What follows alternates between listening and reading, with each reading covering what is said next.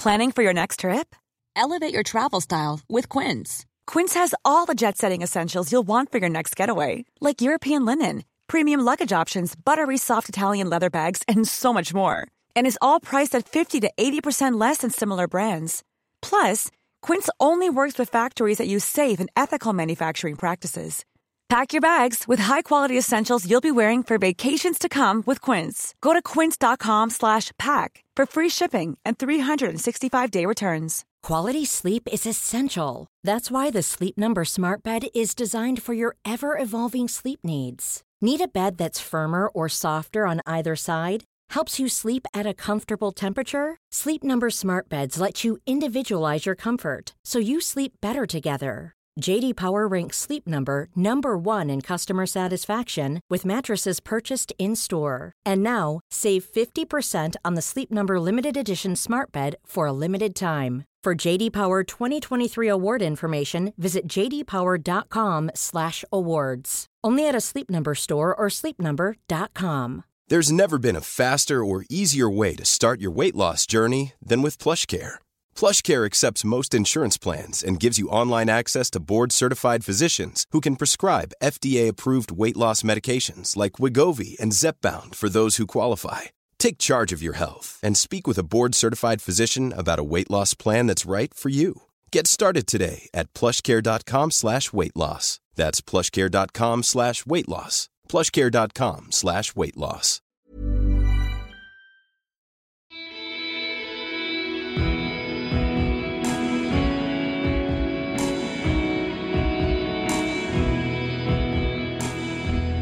Velkommen til Katare-podkast, episode 64. I dag med lege og fotograf, blant annet Torkil Fære. Torkil og jeg kjenner hverandre fra mitt tidligere liv som iherdig mørkeromsentusiast og analog fotograf. Vi delte studio i Akersgata sammen med en del andre fotografer. Både fotostudio og mørkerom. Fantastisk bra mørkerom. Uh, Torkil er uh, lege, men også fotograf. Uh, gitt ut flere fotobøker. Holdt masse workshops, vært på masse workshops over hele verden. har reist, gått pilegrimsferd i Santiago og til Trondheim, og vært blant annet i Palestina. Mange steder. har en veldig vid bakgrunn. Veldig nysgjerrig mann. Veldig opptatt av å lære og leve, ikke minst. Han er etter hvert fått ganske unik kompetanse og har skrevet en bok med sine erfaringer for hvordan leve et bedre liv, som heter Kamerakuren. Han opplevde at når han satt på legekontoret, så de som kom inn som var blitt syke av livsstilssykdommer, hadde en del til felles. Og det var på en måte hvordan de eh, taklet livet, eh, og hva de var villige til å gjøre. Um, for vi vet nå at uh, livsstil har utrolig mye å si for helse. Vi vet stadig mer. Så han så det at uh, når han var på workshops, så var det en helt annen holdning som alt. Så fant han ut at han skulle skrive en bok om dette, som kunne hjelpe de som uh, på en måte hadde gitt litt opp uh, her i livet. Den boken heter som nevnt Kamerakuren og er en veldig god bok som du finner i bokhandel. Legger link til den. Vi snakker om uh, mye forskjellig. Torkil er uh, akkurat nå inne i et prosjekt hvor han skriver en ny bok om, uh, om, om, om en god del forskjellig, men det handler om belastningen og stress, hva vi utsetter oss for. Han måler nå for tiden 24 timer i døgnet sin puls og hjertevariasjon, altså HRV, Heart Rate Variability, som flere og flere har hørt om, via Garmin, som er jo en løpeklokke som de fleste har, så dette er noe vi kan bruke også. I tillegg så bruker han en sånn Aura-ring, som måler mye rundt søvn og slike ting, og en, et annet sånn type klokkelignende sak som heter Whoop, som dere kanskje også har hørt om. Blitt ganske store, disse tingene. Så det vi snakker om er hvordan kan vi rett og slett få litt mer kontroll på restitusjonen vår. Vi er jo som løpere veldig opptatt av økter og sånne ting, men restitusjon er noe som jeg har skjønt også de siste åra, etter å ha holdt på egentlig ganske kontinuerlig, at uh, det er uhyre viktig. Um, Jeg ser jo det at jeg har fått meg en litt mer avansert løpeklokke, at den måler jo stress hele tiden. Hjertevariasjon, rett og slett. Vi kommer inn på disse tingene, eh, og veldig mye annet. Uh, Torkil har som sagt bred erfaring, bred bakgrunn. Uh, Er interessert i veldig mye, har en interessant historie. Så her kommer Torkil og jeg i en god samtale. Velkommen, Torkil Færø. Takk for det, Marius. Hauge. Veldig hyggelig uh, at du kunne komme. Det som er litt morsomt, er jo at vi kjenner hverandre fra før. En litt annen sammenheng enn alt som har med løping å gjøre. Mm. Uh, fotografi. Ja, vi var jo i samme studio, uh, A7, i flere år. Vi var det. det 15 år siden, kanskje. Ja, eh, ja noe sånn. Eh, vi var der en god del år og kopierte mye Mørkerommet. Mm. Eller printa, er det det det heter? Ja, vi var vel kanskje blant de som brukte Mørkerommet mest. Blant masse fiks og fikslukta, og etter hvert så har jeg skjønt. De sier at det er spøkelse der og sånt nå. Jeg merka ikke noe til det, men det var, det var, alltid en litt sånn skummel eh, Det var det. Litt spooky stemning der. Det, det, det var det. Det er bra ikke jeg fikk vite om det før etterpå. jeg hadde hørt om det, men jeg merka aldri noe. Men jeg var jo der mye utover natten. Ja, ja, ja, ja. Helt spesiell stemning. Stå i mørkerommet med spille musikk og Ja. Mm. Uh, jobber du med analoge kopier og sånn ennå, eller? Nei, jeg gjør Nei. ikke det. Men jeg har jobbet mye med film og skanna, men nå er jeg digital. Ja. Men med sånn Fujifilm-kameraer som jeg opplever som det nærmeste du kommer eh, en analog opplevelse. Ja. Så, men det var jo mye å lære av den omstendelige prosessen med å, å, å sette film i kamera, ta ut filmen, framkalle Det var en svær prosess da bak et bilde um, som, um, som på en måte hadde både sine fordeler og ulemper, da, ikke sant. Um, Eh, det vil jo f.eks. Eh, jeg ser jo på digitalt fotografi, jeg holder jo masse fotokurs, så er det lettere å eksperimentere mm. når det er eh, på en måte gratis å ta bilder. Du tar flere sjanser, og på den måten lærer du mer. Men samtidig så, så konsentrerer du deg kanskje litt mindre òg, eller det er lett å konsentrere seg litt mindre. Mm. Fordi at når et bilde, f.eks. et fargebilde, kostet deg jo fem kroner å ta, ja. et bilde. Så hvis du tok én film da, på 30 bilder, ikke sant, så hadde du brukt opp 150 kroner. Ja. Det sånn at um, det begrenset hvor mye du turte å eksperimentere, på en måte, og bruke av, av, penger på det. da. Ja. Så samtidig så var du mer konsentrert. Da. Selv om øh, jeg opplever at analoge fotografi lever egentlig beste velgående. Uh, Problemet med å få tak i visse typer film og sånn, selv om kostnadene er blitt voldsomt høye. Mm, mm. Jeg ser det for at uh, jeg fikk en mail fra The Silverprint i England, London, og jeg kjøpte veldig mye film før. De sendte en sånn her, får du 10% på alt, og så sjekka jeg jeg skal kjøpe noe fargefilm. Ingenting inne i stokk. Nei. Knapt. Mm. Jeg hører med Oslo Foto, og det er sånn ja, vi får tak i, men det er liksom det har jo litt med, med råvarer og så videre å gjøre. Mm. Men, men, grunnen til at du er her, er at uh, egentlig flere grunner. Um, vi traff hverandre tilfeldig for uh, noen uker siden. Mm. Og da hadde jeg tenkt på deg, for uh, du har jo skrevet en veldig interessant bok som vi kan komme litt tilbake til, som heter Kamerakuren. Men du er altså lege. Uh, doktor? Doktorgrad i medisin, er det det heter? Nei, Nei. Jeg, jeg, er faktisk helt uh, uten noe spesialitet. Jeg har ja. aldri hatt uh, fast jobb som lege. Så helt fra starten av, fra turnus, så valgte jeg jo å være en slags vagabondlege. Mm. Som leielege, på en måte, som tar vikariater her og der på legevakter rundt hele landet. Sånn at jeg kan jobbe akkurat når jeg vil, og hvor lenge jeg vil. og Uh, også mye for å tilpasse inn i For jeg reiser mye. Uh, jeg har sikkert reist i fem, seks, sju år mm. uh, til sammen, sånn spredt utover. Og så holder jeg da fotokurs, og, og, og, det passet ikke inn i et sånt fast jobb med åtte til fire-jobb, da. Mm. Og mye av grunnen til at jeg valgte å bli lege, var jo også det at jeg visste at jeg kunne gjøre det. Unngå det åtte til fire-livet som jeg aldri ville ha klart, da. Mm å gjøre, rett og slett. Men la oss eh, spole litt tilbake og ta litt uh, bakgrunnen din, da. Hva, Hvilken bakgrunn har du fra oppveksten? Jeg vet jo, Vi kan komme litt inn på løping, men du løp kanskje ikke så mye når du var liten, utenom den vanlige Jeg gjorde, jeg gjorde nok det. Eller altså, vi Jeg, jeg kommer jo fra Rykken, da, i Bærum. Eh, som nok er et sted som, som preger deg, på en måte. Eh, sånn som det var på 70-tallet, med et eh, hvor det da var en slags eh, nesten sånn sosial getto eh, midt i Bærum, som var kjent for å være eh, rikt. da. Mm. Så, så å, vokse opp på Rykken var jo nesten som en sånt sosialt teater utafor døra. Det var ekstremt mye sterke personligheter, mye kaos. Mm. Men, men hjemme så var det alltid stabilt, da.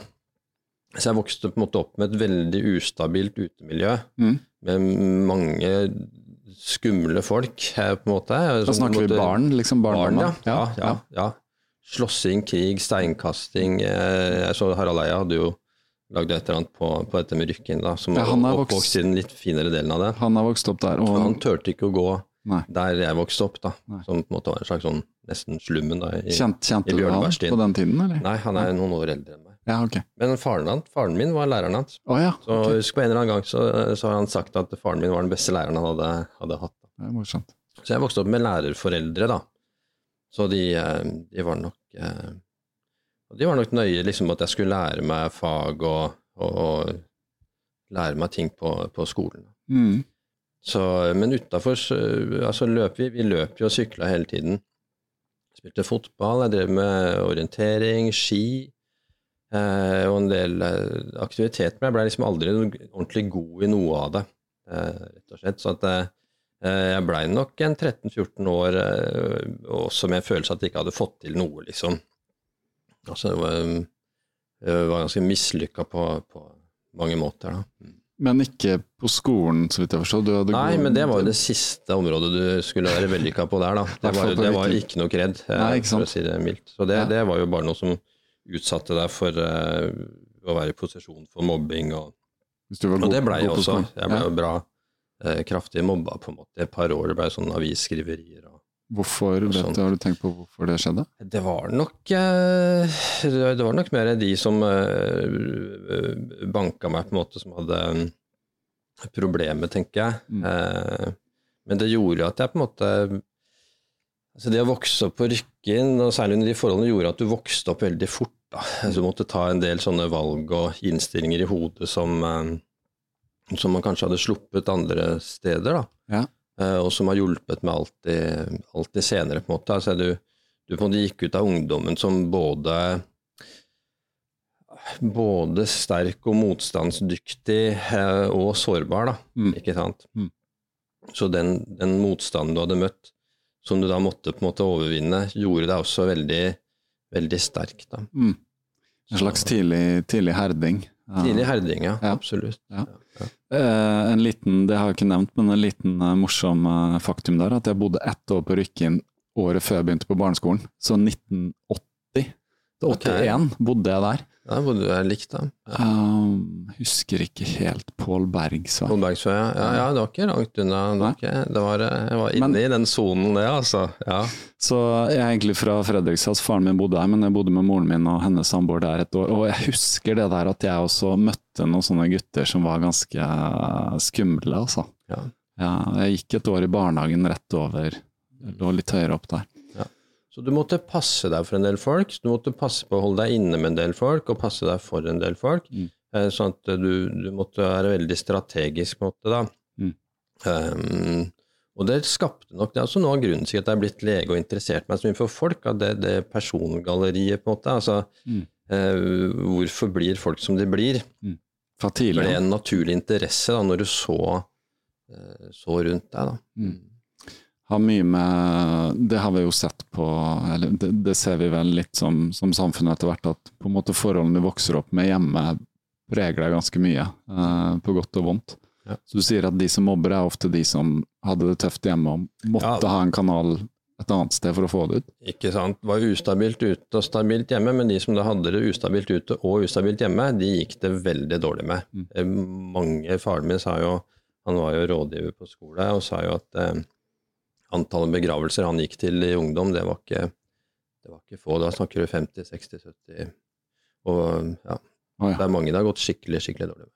Så det, det har vist seg på statistikker om selvmord og sånne ting? Ja, og, og overdoser, Ja, og ja. mye narkotika. Mm. Ja. Men, eh, men du Etter hvert så begynte du, så vidt jeg forstår, med roing på høyere nivå?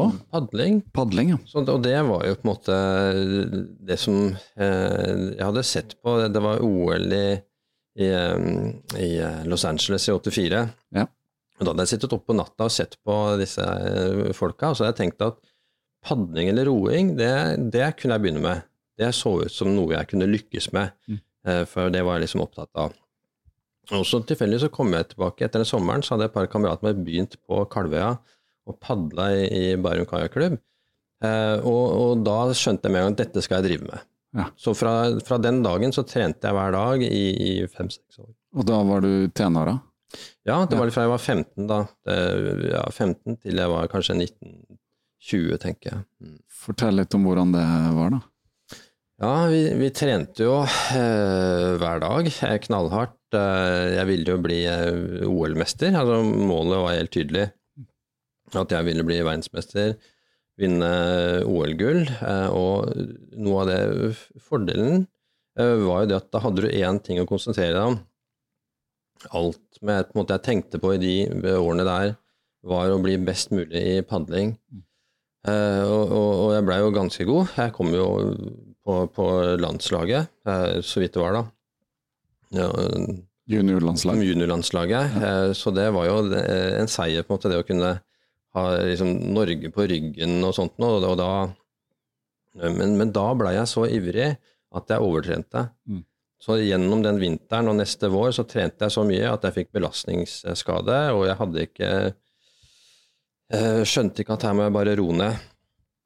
Ta en pause, så jeg fortsatte og fortsatte helt til det åpenbart ikke gikk lenger. Eh, Heldigvis, egentlig, sett i ettertid, for at jeg hadde nok aldri gitt meg. Mm. Jeg hadde fortsatt å padle til jeg var eh, 30, og og jeg hadde jo aldri blitt så god som Knut Holmann, som jeg, som jeg padlet sammen med, da. Han husker jeg. Vi trente jo eh, likt, og, og, men også en del av verdien fra padlingen eh, var jo å se Knut Holmann bli han. Mm. Eh, Fordi at eh, han var jo ikke noe spesielt god som junior. Eh, Og når han kom og fortalte at han Jeg husker en dag han måtte skrive en sånn søknad til Prosjekt 88, het den gangen, som nå er Olympiatoppen, hvor han skrev at han skulle vinne VM i 90, han skulle vinne VM i 91, han skulle vinne OL 92, så skulle han vinne VM, EM, og, og, så skulle han vinne OL i 96, og helt til 2000. Så han hadde hele det tiåret der, Ja. sa han at han skulle gjøre, og da, dette tenker jeg var i 1986.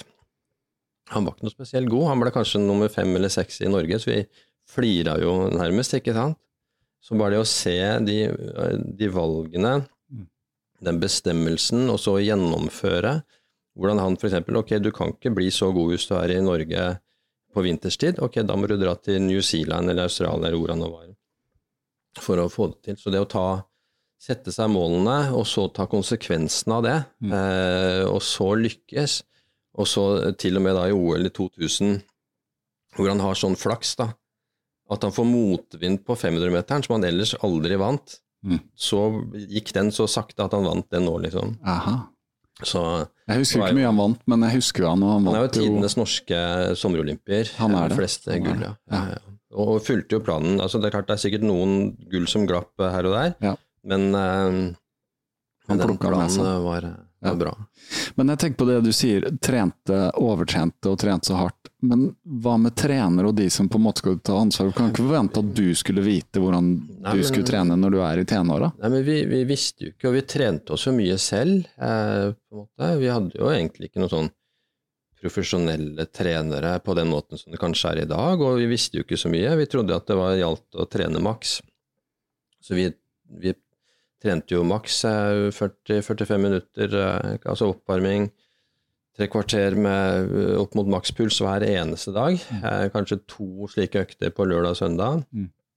Året rundt. Jeg fikk ikke lov til å padle på julaften. Eh, Ellers så, så, så var jeg en dag uten trening, en dag uten mening, på en måte. Ja. Så, så vi kjørte nok altfor hardt. Og nå, nå som jeg liksom har lært meg å bruke mm, dette med pulsvariasjon og sånn som Garmin-klokker og andre ting for å overvåke restitusjon, så ser jeg at vi var jo helt på bærtur. Ja. Det skal vi snakke en del om, for du forsker akkurat nå på dette og skriver bok om det, men vi skal komme tilbake til det. Men uh, uh, det som definerte deg, er jo på en måte din utdannelse og så din store interesse for fotografi. Fortell litt om hvordan det utvikla seg etter hvert som du For du ga deg med roing på et punkt? Ja, så, så uh, Idet jeg på en måte skulle inn i militæret, så, så skjønte jeg at denne idrettskarrieren den er bare å glemme, ja. og da slutta jeg på dagen. Ja. Uh, ferdig, ferdig, med det. Ja. Og da trente jeg nok ikke før kanskje for fem-seks år siden. Ja. Så er nok 20 treningsløse år, eller mer enn det. Som en del av oss. ja, som en del av litt ja, min historie. Ja. ja, for vi visste jo ikke hvor viktig trening var den gangen. Nei, nei. For både helse og, og velvære Og, osv. Men du snakka litt om valget for å bli lege. Var det fordi du var interessert i mennesker? Ville hjelpe bidra? Ja, det, det, var, det, var, det, var, fordi at jeg ville ha alt. Eh, jeg ville finne ut av hvordan alt henger sammen. Hvorfor gjør folk som de gjør? Hvordan henger ting sammen? Og da fant jeg ut eh, at eh, der hvor du har på en måte sitter på første rad til det, det er å være lege. Og det stemte. Mm. Du, vi, vi, sitter jo, ikke sant, med Jeg hadde jo legevakt på Jessheim i går. du får inn 20 stykker med alt det mulige forskjellige problemstillinger, fra det mest banale til det verste, på en måte.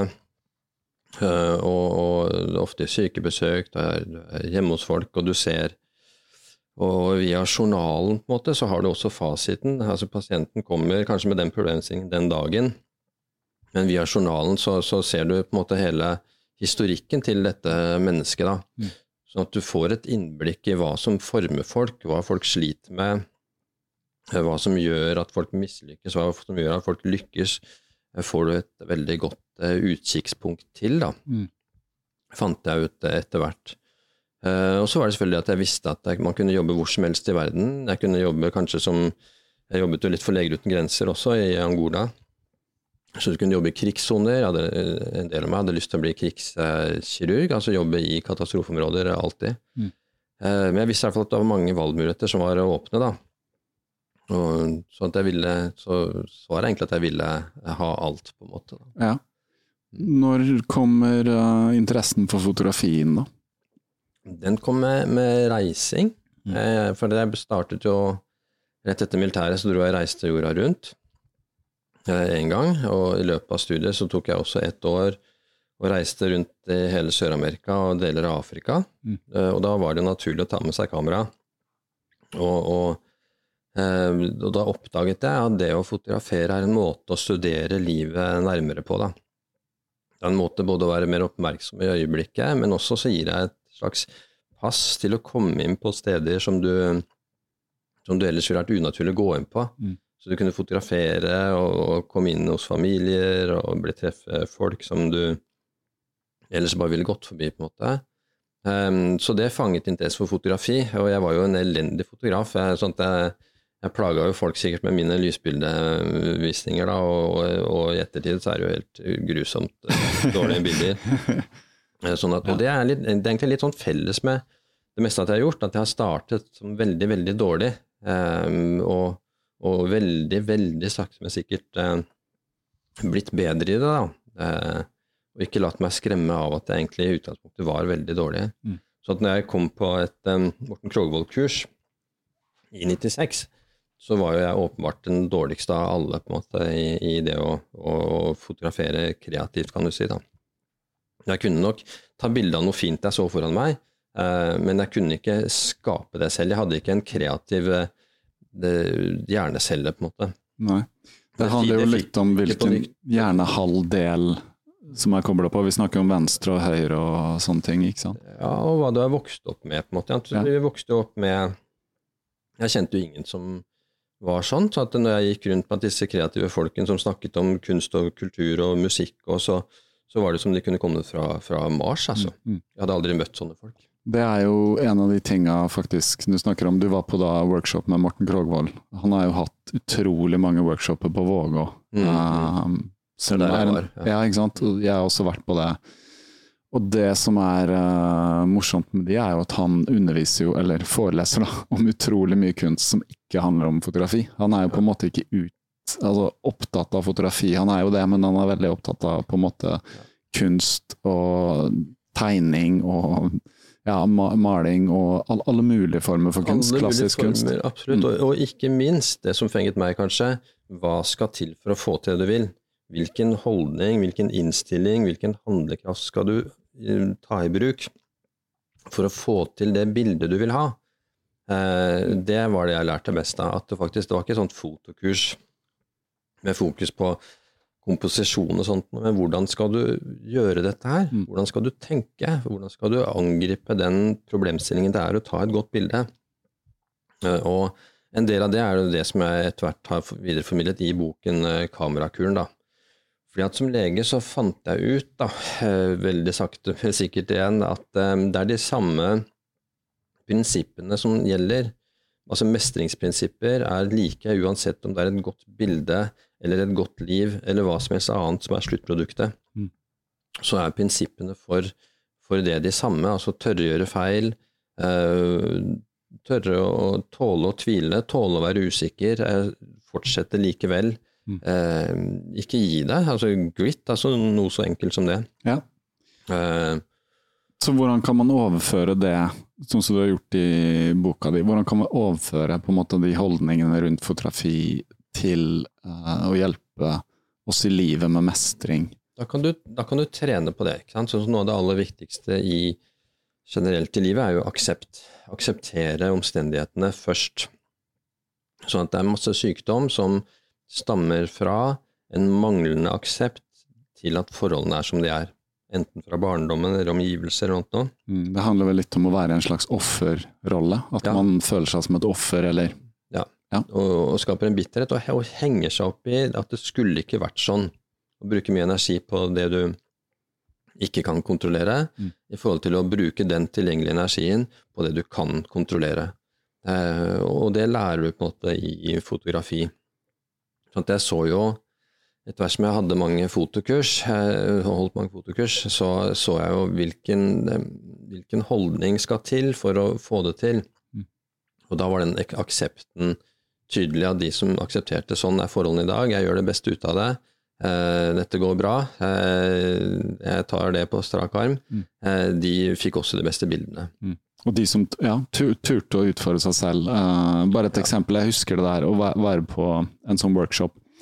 Jeg var jo superentusiastisk, ikke sant? løp rundt og tok bilder og sånn. Jeg husker en gang Morten, så var det noe sånn Det var en oppgave, da, om det var et selvportrett, da, kanskje. Og så kom jeg tilbake med noen bilder og viste Morten, og så var han sånn Ja, det var positivt, men du kan gjøre sånn og sånn. Gå ut igjen.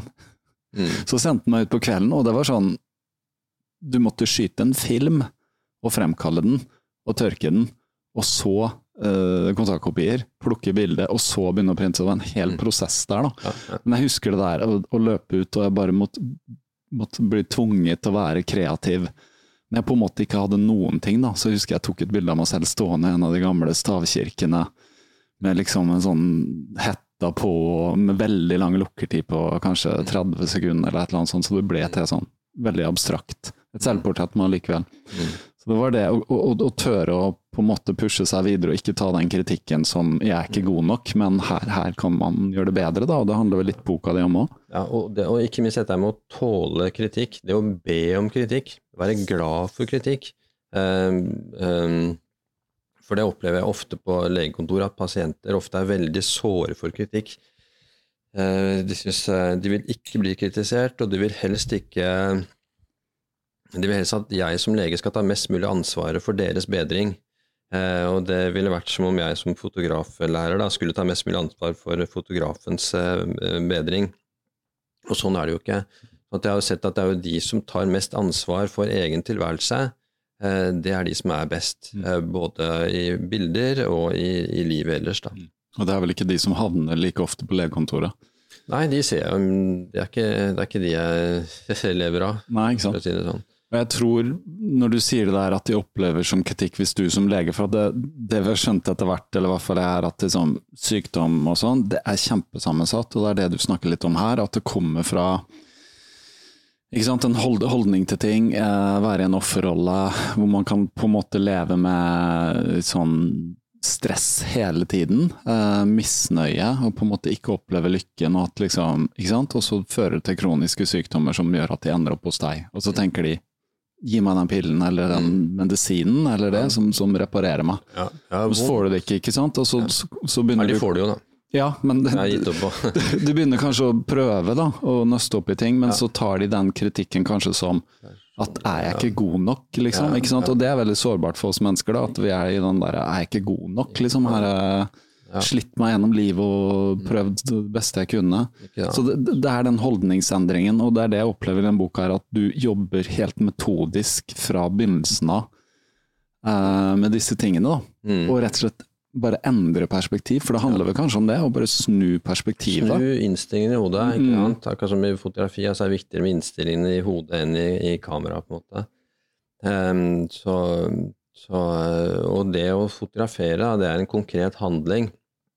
En slags liten mulighet til miniatyr, altså en, en, en vanskelighet-miniatyr, og, og måten du møter alle vanskeligheter på, kan du oversette i hvordan du skal møte denne vanskeligheten på. Mm. Men slik du gjør noe, er slik du gjør alt, da, som, som Buddha har, har sagt. Da, har Ja, og det, og det du har som en undertittel her, er at slik du takler øyeblikket, takler du alt. mm, mm. Så det handler jo om faktisk dine valg her og nå. Hvordan takler du dette her og nå? Mm. Uh, hvis det oppstår et problem, hva, hva gjør du da? Mm. Skal, blir du sur, irritert, og blodtrykket stiger og, Mm.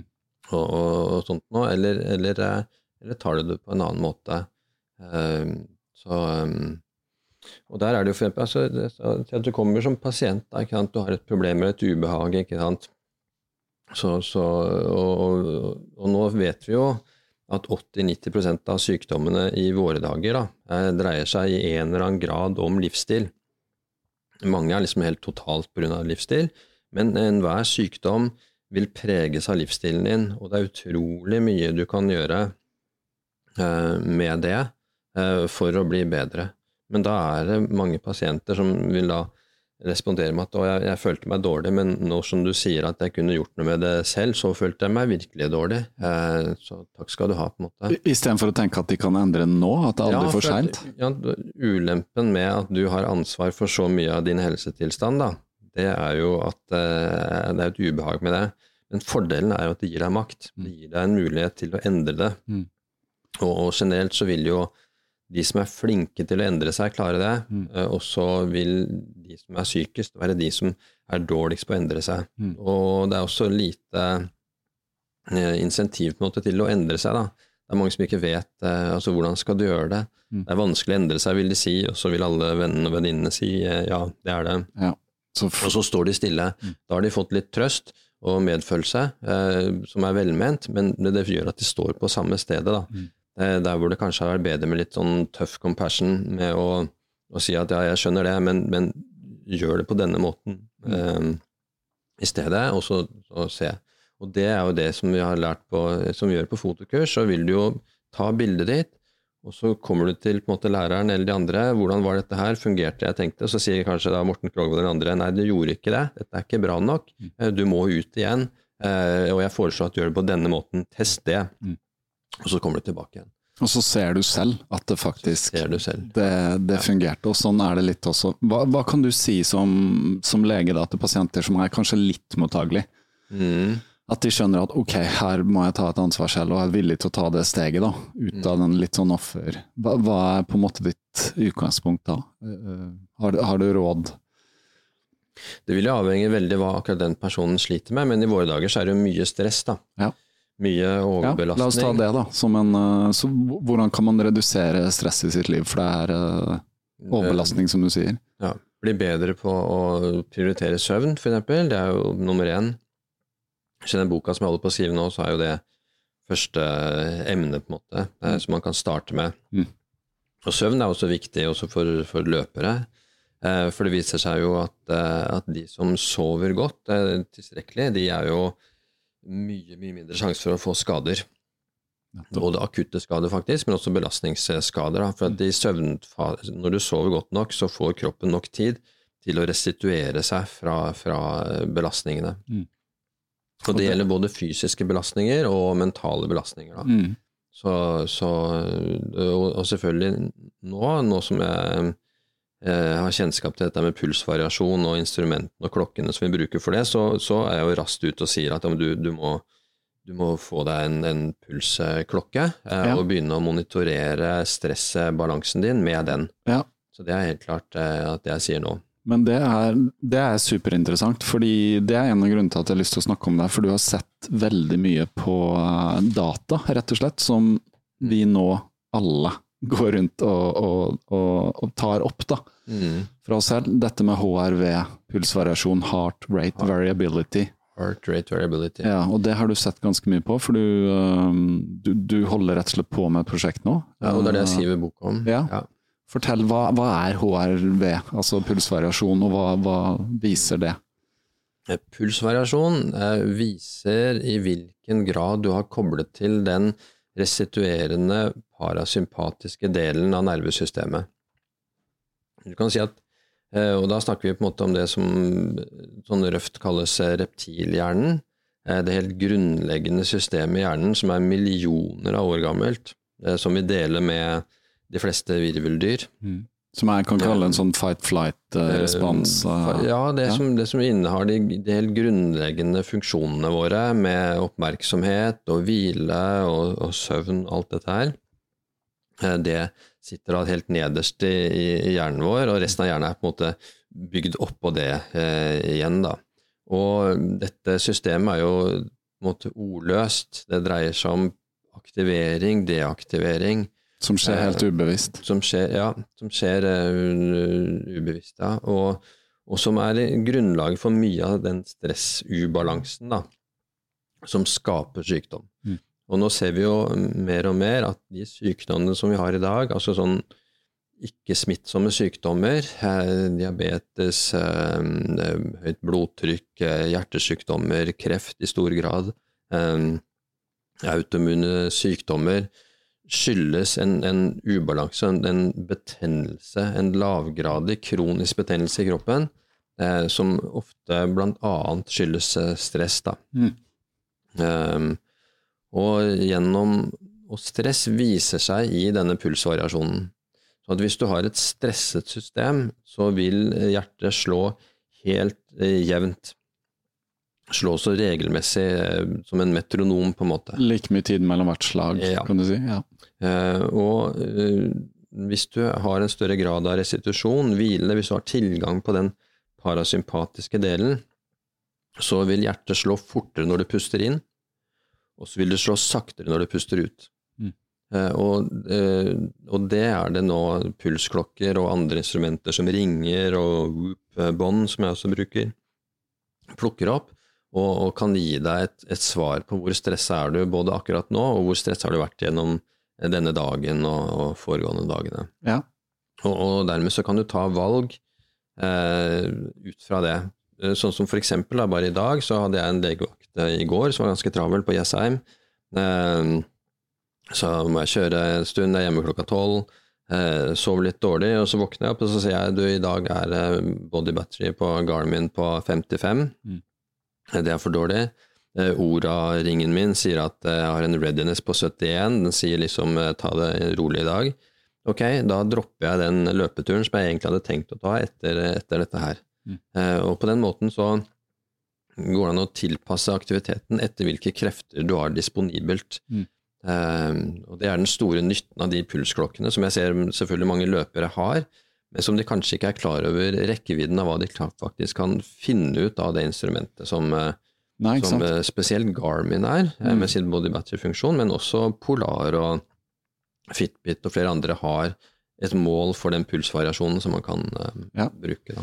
Det fordrer altså at uh, den måler pulsen din konstant, da, som de fleste nå har på håndleddet. Ja, altså, og de koster ned mot liksom tusenlappen av ja. 1500 kroner, så det er i praksis tilgjengelig uh, for alle. Um, og, og, og, jeg tror at denne måten å monitorere helsen sin på og kunne ta ansvar for den selv, tror jeg kommer til å føre til en, en revolusjon altså i helsevesenet, hvor, hvor, du på en måte tar At du som, som uh, jeg, pasient, eller som uh, individ. individ da, har, mm. Eh, kan ta en mye større grad av ansvar for helsen selv. Men det er, det er, ikke noe på en måte det, det brukes ikke i noe grad i det offentlige helsevesenet i dag? Gjør det det? Nei, det er, og særlig ikke i Norge, men det skjer mye som vanlig fra USA. eh, Hvor selvfølgelig løpere har brukt det mye. Bruker som eh, altså idrettsmiljøet, altså alle de store fotballklubbene eh, bruker dette her aktivt for å se hvem er det som er restituert. eh, Aha. Hvor mye kan vi belaste den og den personen, eh, på en måte. Ja, og det er jo rett og slett for å bli bedre. Altså, for, for å bli bedre. så så snakker vi om det amerikanske fotballklubber som, som lar alle spillerne sine engelske fotballklubber, Ja. United, Arsenal ja, De er der nå. Ja, ja, ja. Mm, mm. Og har vært det, vært det lenge. Ja, ja. Ingebrigtsen-brødrene, ikke sant, eh, bruker den. Men bare litt sånn i detalj, for, det, for de som ikke helt vet det, så er liksom meg som har en sånn Phoenix litt tidligere modell enn deg, jeg kan liksom bla, og så kan jeg se. Eh, faktisk nå så sier min sånn 23-25 hvile, sier den. Mm. Betyr det at da er er rolig. Nå er jeg rolig. Det er ikke jeg. Nei. er ikke er. Eller, Du er nervøs. sikkert- Ja, Ja. Nei, jeg er aktivert. Eller, altså, jeg har- jeg har stress på 84, er det nå. Ja. Høyt stress. Ja. Og er det fordi, for det skriver du litt om, jeg har en liten sånn eh, Du har en oppgave i NS-terapi som du har skrevet her, og da, da jeg bare leste litt i morges, og du skrev at når du holder foredrag, så Mm. er stressnivået ditt skyhøyt. Mhm. Men det er, er det litt det samme som nå, at du opplever dette som en Altså, ikke det at Det ikke du bevisst gjør det, men du opplever det det. er en aktivering, ja, Ja. og det er jo det med stress her som jeg også har funnet ut. For at før så mm, Tradisjonelt sett så har vi lært at, at stress det er negativt, det er flykt eller frykt. Men det jeg har funnet ut med kamerakuren og andre ting, er at det er jo også lek og fryd. Mm -hmm. på en måte. Så det, å være, det er det å være aktivert, Ja. det å være påkobla. Ja.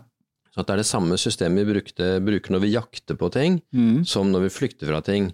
Så jeg syns dette er kjempehyggelig og spennende, ja. men jeg må jo konsentrere meg og, og være påkobla måte aktivert for å Ja. hente fram så mye som mulig av det som Ja. jeg sitter på. Men, men hva skjer med meg da, som er lav Ja, men du er mer vant til det her, Ja, og så- kan du i større grad eh, at Du vet hvilke spørsmål du skal eh, stille, ikke Ja, sant? Du sånn er mer. Ja. mer vant til det. Og så har det nok også sammenheng med at den jobbinga i går og dårlig søvn i natt henger igjen litt. Ja. Så at hadde det vært hadde jeg startet dagen eh, eh, bedre, så ville sannsynligvis det stressnivået vært eh, noe Ja. lavere. Ja. Men, Fordi ja. vi, tra vi traff hverandre nylig, og da viste du meg litt i detalj hvordan uh, Garmin da, den måler jo konstant gjennom natten, og du ser Og din, som er en ganske ny modell, hadde den body battery, det hadde ikke min, men jeg kan se liksom belastningen over tid. Mm. Og da har du også sett på dette med um, løpeøkter. Mm. Eh, var på en måte, og andre treningsøkter. Du skriver litt om alle knebøyene og pushupsene du gjorde. Mm. Hvordan reagerte på en måte kroppen din da, et, etter en treningsøkt? Ja, og det er det som er interessant å se, at etter en treningsøkt eh, så kan kroppen jobbe knallhardt i flere timer med restitusjonen. Mye mer enn det jeg så for meg eh, at var, eh, var mulig, da. Og i forhold til hva man føler. Ja, du føler deg ganske rolig og, og har ikke noe spesiell Vi har da, som mennesker, så, så har vi uh, en dårlig sans innover mot Mm. egen kropp. Altså vi er utvikla for å ha gode synssans, god hørsel, god luktesans, smakssans, uh, og, og det har tatt uh, viktigste delen av, av måte, inntrykkene. Og vi har tvert imot måttet dempe signalene fra egen kropp. Det er jo faktisk i, i, i hjernen så er det noe som demper lydene fra pust og hjerte, og, og tilsvarende vil jeg tro at det er fra alt støyen fra det som kroppen din kontinuerlig jobber knallhardt med. Mm. Hvis du skulle på en måte ha hørt på en måte eh, den eh, overført betydning støyen fra alle de prosessene som foregår i kroppen din, så, så ville du ikke hatt eh, samme kapasitet for å se og, og høre, da, som jeg har vært mer avhengig av. Sånn at, em, sånn at selv om kroppen jobber knallhardt, enten med fordøyelse av et måltid eller eh, i forbindelse med restitusjon etter trening, så kjenner man ikke det så godt. Mm. Eh, men man ser det på, på klokkene at dette var en stor eh, belastning. Mm. Eh, og som går utover natta. Så, at, eh, så selv om jeg trener, kanskje løper en halvtimes tur i totiden, eh, så kan den stresset være veldig høyt helt til kvelden og inn i natta. Mm. Slik at morgenen etter så vil jeg få en beskjed fra Whoop-båndet Eh, At eh, nå er du i, gul sone Mm. eh, og bør ta det litt mer eh, rolig. Mm. Eh, og det er noe som jeg aldri ville klart å kjenne på egen hånd. Jeg ville aldri klart å kjente meg fram til det. Nei. Da skal du i hvert fall være veldig god. Vi, tr vi tror kanskje vi gjør det, for at jeg har uh, gjort mye forskjellig. Jeg har trent uh, etter programmer hvor jeg på en måte gjennomførte uansett hva det sto. Tirsdag skulle man løpe intervaller og sånn, og så kan jeg kjenne at jeg blir sliten, men du gjennomfører uansett for at dette må til for å løpe den maratonen eller halvmaratonen på den tiden jeg vil.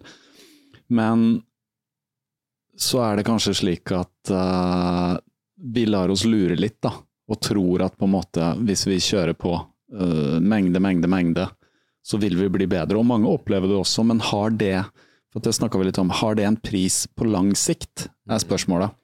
Og det snakka du litt om, hvem så du på, på legekontoret? Og du snakka jo om at løpere var ofte Ja, det er jo ikke så lenge siden jeg tenkte at jeg vil, jeg vil begynne å løpe. Jeg har drevet en del med, med trent på romaskin eh, og trent um, vekter. Og så begynte jeg liksom å tenke litt på løpere, at når jeg har de på kontoret, så syns jeg de ser veldig friske ut. Ser veldig spreke ut, og, og, og, og tenkte at jeg kanskje jeg skulle prøve å, å løpe. At det er noe som ligger i det. Eh, og, og det stemmer. Eh, Så det å, å løpe eh, moderat viser seg å være veldig helsebringende, da. Og så begynte jeg også å tenke en gang til, så tenkte jeg, men jeg jo, en del av jobben min er jo å skrive dødsmeldinger. Eh, og når jeg, er spesielt oppmerksom på de som dør over 90, eh, og ellers på en måte pasienter som ser friske ut over 90. Og der er det egentlig et merkbart fravær av folk som har trent mye. Mm. Eh, så begynte jeg å tenke på eh, hva kan det skyldes, og så har jeg googla litt og, og sett at trening i store mengder kan eh, tvert imot eh, gjøre at du ikke blir så, så frisk. Og eksempel i, i løping så er det en som har forsket på maratonløpere, og, og sett at de som løper veldig mye, de får jo en dårligere eh, helse og en dårligere hjertefunksjon, da. på sikt. På sikt, ja. Mm. Uh, og hva det kommer av, uh, om det kommer av at de kanskje ikke har tatt hensyn til restitusjonen, Mm. det kan jo være. Så det er jo et område som er litt sånn nytt og usikkert. Um, um, så man kan ikke bruke liksom sette to streker under svaret på disse tingene her. Nei, og det er nok, Um, som med mye andre ting, ganske sammensatt òg. Mm. Men hvis du ser på ekstremtilfeller, så, så kan man jo se på hjerter at det er danna liksom arvevev, og det er liksom skjedd ting ved stor belastning, da. Ved stor belastning over tid, og kanskje uten restitusjon. Fordi Mm. at det, For eksempel så har denne kardiologen, da, eh, James O'Keefe heter han, mm. han har, de har testet eh, maratonløpere eh, og sett at 50% av maratonløperne har troponinstigning etter løpet.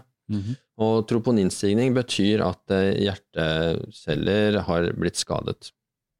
Eh, og det er ikke skadet fordi at blodårene er blitt tette, sånn som det er blitt på ellers når vi jobber med hjertepasienter, men det er blitt skadet fordi at det er mange små microtears, som man kaller det, masse små mikrosår i hjertemuskelen. Mm. Eh, og så er da spørsmålet har de passet på nok restitusjon og søvn, sånn at det har kunnet blitt reparert, eller har de gått på neste økt før den prosessen har skjedd? Er det det som er grunnen? Er det liksom mengden av løping som er grunnen, eller er det fraværet av restitusjon som er grunnen? Dette er jo litt i det blå, da. Ja. Men det som i hvert fall er sikkert, er at moderat jogging, og, og jogge sakte til moderat én til to og en halv time i uken, det kan man nok sette to sekunder svaret på. Det er helsebringende. Mm. Og så er det en eller annen ved den stigningen av enda mer som i en eller annen grad ser ut til å være farlig, Mm. eh, og som i hvert fall, det er helt sikkert, gir økt sjanse for eh, atrieflimmer, eh, forkammerflimmer, da, som ikke Ole Einar Bjørndalen og, og, flere idrettsutøvere Ja. har. da. Kan du forklare litt hva det er, atrieflimmer? Atrieflimmer er at forkamrene, hjertet, står bare og spinner, på en måte, står bare og vibrerer. Jeg har mistet den lille pushefunksjonen sin, og som også fører til at hjertet slår ujevnt. Eh, Slår ikke rytmisk eh, i i det hele tatt. Eh, Og det fører til at eh, hjertekapasiteten går ned med 10% eh, pga. det, og så fører det til at du må ta blodfortynnende, eh, som igjen har sine bivirkninger, da. Mm. Og, og, og økningen av atrieflimmer blant de som trener veldig mye, sånn Birkebeineren og sånt nå, den er ganske betydelig. Så Mm. den, eh, Hvordan eh, Er det det som kalles hjerteflimmer? Når man hører liksom ja, det, det, ja, det vil Ja. jo folk si. Hvis Ja. du har liksom ventrikkelflimmer, så, så eh, ligger du betydelig dårligere an. Da, da, da dør du. Nettopp. måte. Så ventriklene, altså de store hjertekamrene, de, det er det som kanskje vi leger kaller hjerteflimmer. Mm. For vi vet at de skal kalle atrieflimmer for forkammerflimmer. Da. Ja.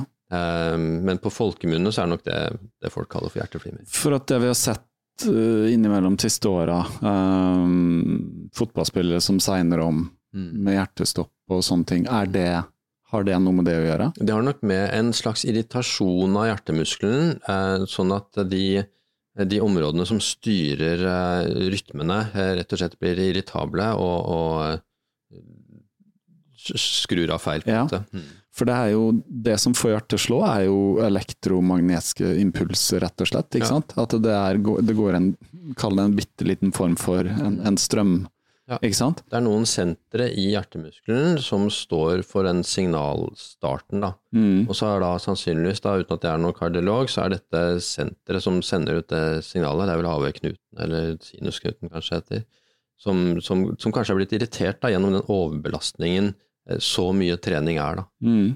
For det er jo for mange sjokkerende en, det vi kaller en topptrent uh, fotballspiller, Mm. uh, som løper uh, konstant i 90 minutter to ganger i uka, og i tillegg trener masse. Mm. Eh, vet ikke så mye om hvilket liv de lever siden av, men som kan bare segne om. Eh, det skjedde jo med Ståle Solbakken, norsk Kristian eh, Eriksen, Kristian Eriksen.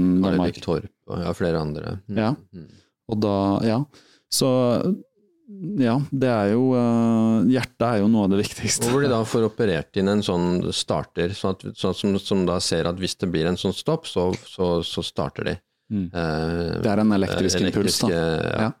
Men er det noe annet vi da kan gjøre, eh, de som løper eh, absolutt mer enn to og en halv time i uka? Mm. Fem timer opp til ti, noen løper Ja. jo enda mer, 15 kanskje. Eh, kanskje ikke belaste på så veldig, veldig hardt, da, men mye over tid. Ja. Eh, som vi snakka om, lever eh, på en måte etter kalenderen ved siden av med familier og jobb og diverse verv og hva vet jeg. ikke sant? Mm. Kjører på hele tiden. Utenom søvn, hvordan spiller kosthold inn, og Mm. hvilke flere ting. Og her er vel litt sånn stikkord som vi snakka om også, inflammasjon. Ja, ja. Betennelsesskapende kost, altså det, det ser vi jo mer og mer nå som at, at eh, prosessert mat eh, og, og mye karbohydrater eh, ser ut til å skape Prosesserte karbohydrater, snakker Ja, vi ja, om. ja, det òg. Ja.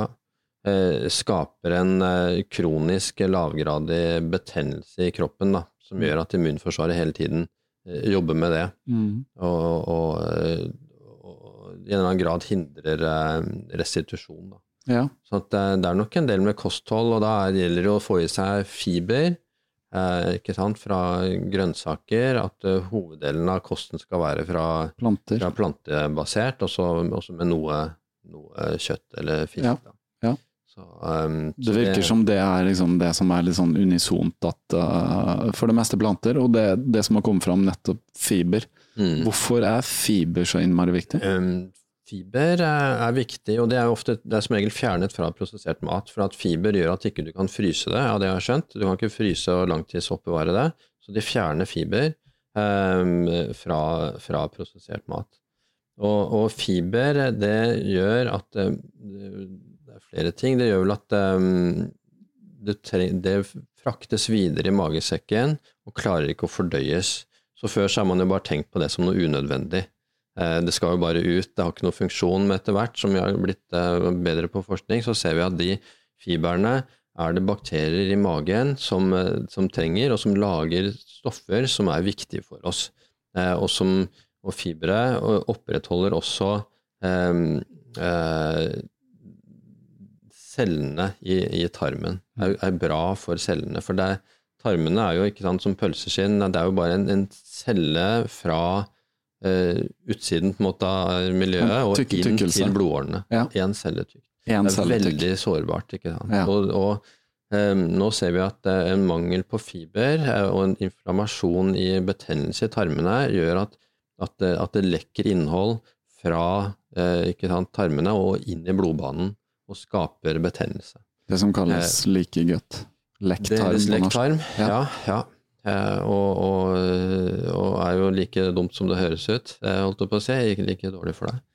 Eh, Så det kommer inn en del ting fra bakterier f.eks. inn i blodbanen, som da opprettholder en sånn en sånn lavgrad inflammasjon. Ja.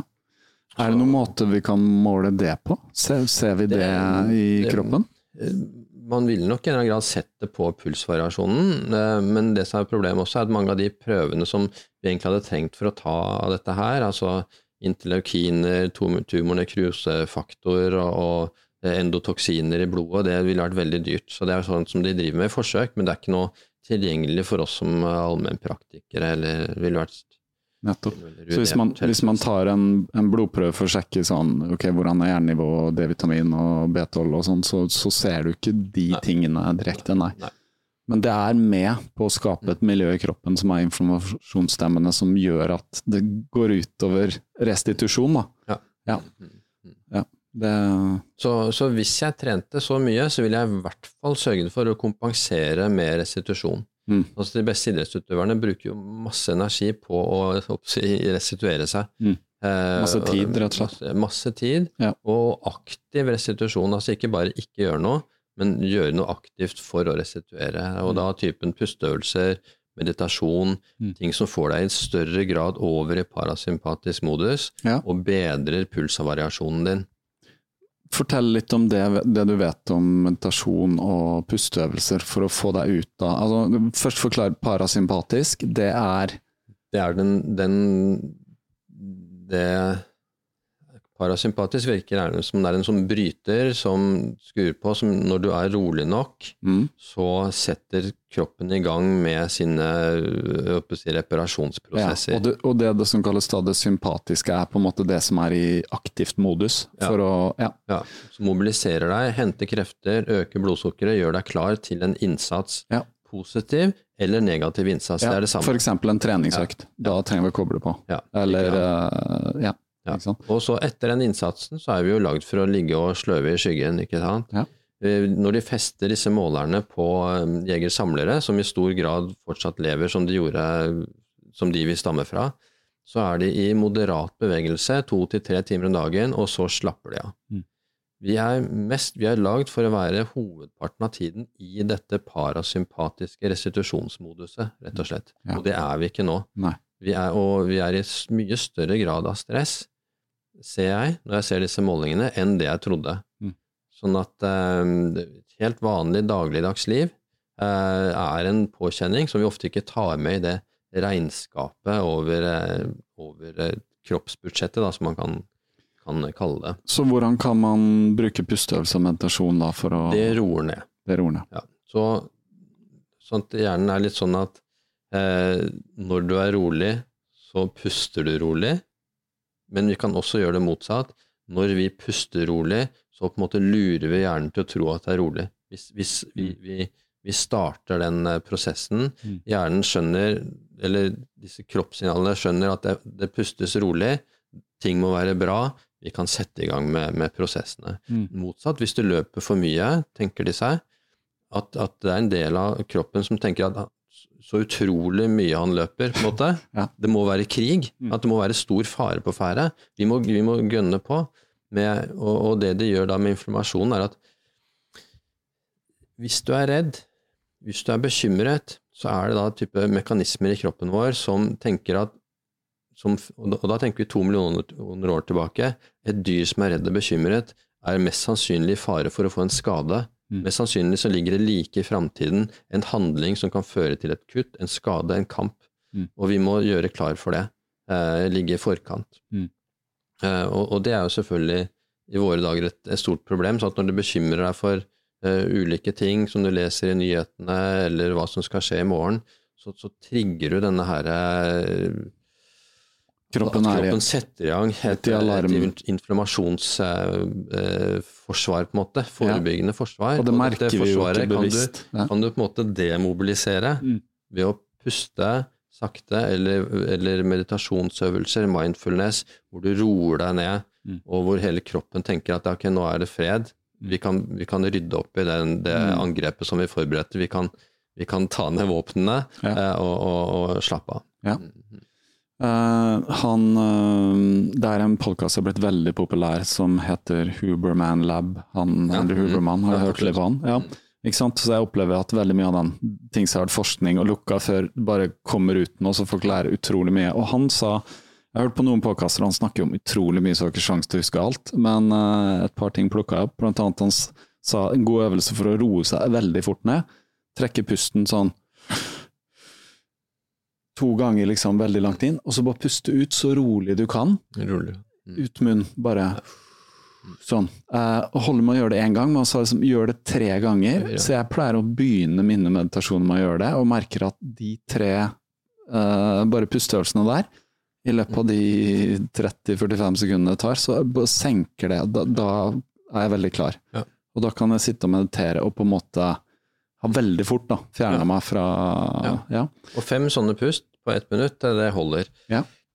Og, og dette er jo interessant, for dette er jo, driver jo selvfølgelig det amerikanske forsvaret med.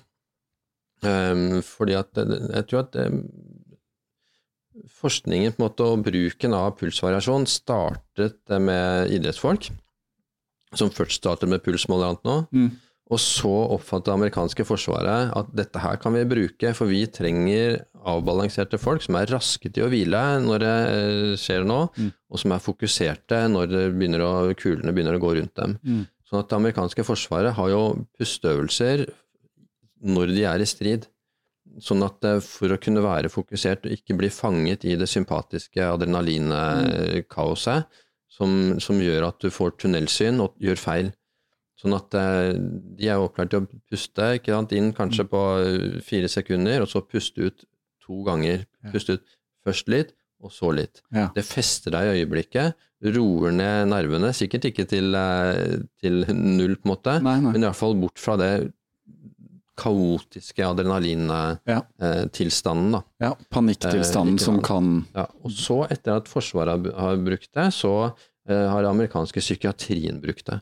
Mm. Så første gang jeg leste om dette her, var en, en genial bok av eh, Bessel van der Kolk, som, heter, eh, som også er oversatt til norsk, som heter 'Kroppen holder regnskap'. Mm. Eh, hvor han fortalte måten de bruker i psykiatrien, pulsvariasjon, som et mål på hvor tilgjengelig pasienten er for behandling. Ja. Hvis pulsvariasjonen er veldig dårlig, så dreier det seg egentlig bare om å roe seg ned, Ja. eh, for da har du ikke kapasitet til så mye annet. Mm. Så, så, um, og pulsvariasjon er også et slags mål på, på viljestyrke. Sånn at Når pulsvariasjonen er lav, når du er stressa, så har du liten viljestyrke. Da faller du for fristelser Ja. eh, og, og tar de dårlige valgene lettere, da, selv om du vet du skulle tatt eh, bedre valg. Nettopp. Så da blir det på en måte litt sånn intellektet overstyrt eh, av, av litt mer sånn primitive Absolutt. Ja. Mm. Så vi er mer styrt av den tre millioner år gamle hjernen vår enn den helt nye frontallappen. da. Ja. Eh, ikke sant? Så at du kan tenke deg, De regner med at det er først 200, siste 200 000 år vi har kunnet snakke, f.eks., som mennesker. altså Før det så, så kunne vi ikke snakke. Men vi, vi preges mer av den eh, nonverbale delen av hjernen. Da kan du si igjen vi gjerne skulle likt å, å, Mm. å tro. da. Ja. Så, og, og det å få balanse i stressnivået vil ikke nødvendigvis løse problemet ditt. Det er ikke sikkert det bare er der det er, men det vil gjøre deg i stand til å ha viljestyrke og krefter til å løse det, Mm. eh, tenker jeg da. Mm. Så, så hva, hva er det vi kan gjøre akkurat dette knytta til søvn? For det er interessant, for det er noe vi på en måte har kontroll på, men ikke alltid har kontroll på. fordi at sånn som jeg har opplevd i stressende perioder, eh, kan gå og legge meg og sove, men våkne på natta, må kanskje på do, og så uh, liggende våken og tenke på et eller annet skal skje i morgen, eller et eller annet sånt. Ja. Og så på en måte er du en litt, kommer litt sånn inn i en dårlig spiral, da. Mm. Hvor du på en måte har kanskje sovnet på morgenkvisten igjen, men så må du opp, og så er det fullt kjør, og så er det samme dagen etter. Ha, har du noe tips der? Ja, Um, og der tenkte jeg først Det som er fordelen i boka jeg skriver nå, er jo at jeg har gjort alle disse feilene. Mm. Jeg har sovet dårlig, jobbet for mye, drukket mye alkohol, jeg har røyka for mye, jeg har hatt elendig kosthold. så all, og, og, og ikke vært opptatt av mindfulness og slike ting overhodet. Eh, Du har bare kjørt på, som de fleste gjør? Bare- Kjørt på helt Ja. tankeløst, da, og det er selv om jeg er lege. at det, selv, selv om jeg gir råd, så er det liksom Jeg gir ikke råd fra en sånn overordnet posisjon, men fra en som absolutt har gjort alle disse feilene selv, og fortsatt gjør de. Så er noe, det er ikke sånn at jeg har noe veldig gode tall på disse målingene. Jeg er ikke noe sånn veldig, jeg er ikke noe sånn senmunk nei, nei, men du, du ser på det. Men, men, jeg bruker de. Og det som jeg tenkte før da med søvn, var jo at jo mer jeg gønna på, og jo fortere, jo mer sliten jeg var på kvelden, og så sovna fort, det måtte være bra søvn, liksom. Men det ser jeg på målingene at det er helt det motsatte. Sånn at de nettene som er best, da har jeg vært rolig på kvelden. Mm. Så jeg passer på at når klokka kanskje blir åtte, så er det rolige aktiviteter. Ikke noe som hisser en opp, eller noe, noe veldig interessant. Kanskje lese, mm. kanskje noen pusteøvelser. Mm. Um, I hvert fall ting som beroliger. Og da blir søvnen mye mer restituerende. Mm. Kjempeforskjell er det i de tallene der. Ja. Framfor der f.eks. Eh, når du har dratt rett fra vakt, nattevakt, kjørt hjem, eller kveldsvakt, kjørt hjem og så krampesove, sånn som, er, sånn som i går, så er restitusjonen dårlig. Ja. Så, og, så, det handler rett og slett om å ta det med ro en stund før du går og legger deg? En stund før. Og ikke ja. ha trent hardt før, for eksempel. Jeg ville ikke trent hardt um, etter klokka seks, iallfall. Avslutta enhver trening som var ganske hard, mm. før klokka seks. Mm. Fordi det går såpass mange timer? Absolutt. absolutt. Ja. Um, så um, um, ja. Mm. Så, og, og, generelt eh, og, og sene måltider. Så også, det er også noe av det overraskende med disse målingene, at det å fordøye et, eh, et måltid, mm. Eh, særlig hvis det er litt stort, det er en stor belastning for kroppen, som kjører kroppen inn i stressmodus. Og det tenker vi jo aldri på. aldri på det. Men du kan jo kjenne at du blir trøtt etter middagen. Mm. stort måltid, ja. masse, masse, deilig mat. Mm. Kanskje litt å drikke til. Oh, blir tung. Så litt sånn god, Nå er jeg god og mett, sier man tenker på mm. julaften. ja, ja, ja. og kjempe, kjempehøyt nivå. Og hvis jeg, da, hvis jeg, da, dagen etter julaften, som jeg har gjort av og til, tar en sånn roøkt Helt håpløst. Ja, ferdig. Eh, helt ferdig. Ja. ja. Så den sitter i. og sånn at Man skulle tro for at julaften ikke sant, er en eh, avslappende dag. Du gjør i hvert fall vi gjør, gjør ganske lite. Men disse måltidene sender, sender kroppen i en kjempebelastning, altså. Ja. Eh, som, og det er jo ting man selvfølgelig aldri har, eh, har, tenkt over, men som man da må ta, lære å ta hensyn til når du skal mm. planlegge løpeøkter og, mm. og, og, treningsøkter. Da. Det jeg merker veldig godt, er at hvis jeg går ut og løper etter middag, så har jeg ikke det samme energinivå. Mm. Det, det, er helt tydelig da, for meg. Da liksom. konkurrerer liksom. musklene med tarmene ikke sant? Mm. Eh, og, om, om, de disponible kreftene. Ja. Så at tarmmusklene de stjeler eh, fra kroppsbudsjettet, ikke sant, fra, fra, fordøyelse og fra immunforsvar og fra, fra, andre ting akkurat der og da. Mm. og det er jo dette som er utfordringen for mange ultraløpere, uh, rett og slett, som skal løpe, uh, som løper løp 100 miles, sånne ting som er opp mot 24 timer. Mm. De må ha i seg uh, næring, mm. men samtidig er jo kroppen i konstant bevegelse. Mm. Så det er ofte løpere de, får, de, blir dårlig i magen, kanskje mm. maten kommer opp igjen. Er det da en slags sånn kroppen som sier 'hva i alle dager, du er på flukt, hvorfor spiser du nå?' Ikke sant? Ja. Ut med det. Ja, ja. ja. ja og det ser du jo hva er det første som forsvinner når du er sjuk, ikke sant? Det er jo, eh, er jo eh, matlysten. matlysten. Ja. Og det er jo også fordi at det kan også skape en forverring um, av, det jeg har skjønt. Um, at når du er sjuk, kroppen er allerede en betennelsestilstand. Uh, tarmene på en måte er allerede eh, sårbare, og så komme med et måltid på toppen av det, da, da kan du rett og slett uh, gjøre deg dårligere. Ja. Sånn at um, det er nok en grunn til at, at det, appetitten forsvinner. Ja. Uh, for å gjøre deg friskere. Ja. Kroppen trenger å mobilisere all energi på, på fighten. Ja, og, den, og, den, energien har du jo lagret fra før. Mm. I, hvert fall, I, hvert fall, veldig få som ikke har det. Mm. Nok, nok, energi til en ukes uh, forkjølelse eller sykdom eller influensa. Ja. Det har vi lagra, så det, det, er ikke, det, er ikke, nødvendig å presse i, i folkemat. Nei. Og det er jo det mange selvfølgelig løpere trener på. Uh, å løpe på det nivået som gjør at vi ikke trenger så mye påfyll av mat man kan bruke av fettreservene. For kroppen har jo fettreserver, kan ja. bruke som energi, men også det umiddelbare sukkerlagrene. ikke sant? Mm, mm, mm. Uh, men da er det jo sånn med harde økter, så, så, tar du det sukkerlageret, så må du fylle på med det. Mm. Men du har jo tatt litt konsekvensen av det her, og, og har litt, lagt inn en litt sånn faste tid, eller hvor du har et Du snakker om at du har et aktiv vindu hvor du ja, spiser? jeg prøver så godt jeg kan å spise mellom klokka tolv og klokka seks. Eh, og for da får eh, tarmsystemet nok tid til restitusjonsarbeidet, eh, og, og har nok tid i, i hvilemodus. Jeg ser det å faste, selv om det på en måte er en, et ubehag, så er det en hvilesituasjon for, for kroppen da, og for det parasympatiske. Sånn at, og det ser du jo at også på masse målinger generelt, med blodprøver osv., så, videre, så er det jo dette med faste og periodisk faste ser vi jo at, at det er veldig sunt. da. Ja. Uh, men det er jo et visst ubehag, som, som f.eks. i dag, at når jeg vet at jeg skal være litt konsentrert her, så, så spiser jeg frokost. Ja. For da vet jeg at hvis jeg nå ikke hadde hatt frokost, så kunne det vært et, et ubehag som gjorde at, jeg, at, jeg ikke, at jeg brukte noe konsentrasjon på det mm. eh, stedet, da. Ja. Har du prøvd å faste over lengre perioder, sånn så godt et døgn eller to Ja, som døgn, ja. Ja. Mm, mm. Det er noen som snakker om at det skjer noe etter en stund, da. at man føler at man får en større klarhet. Ja.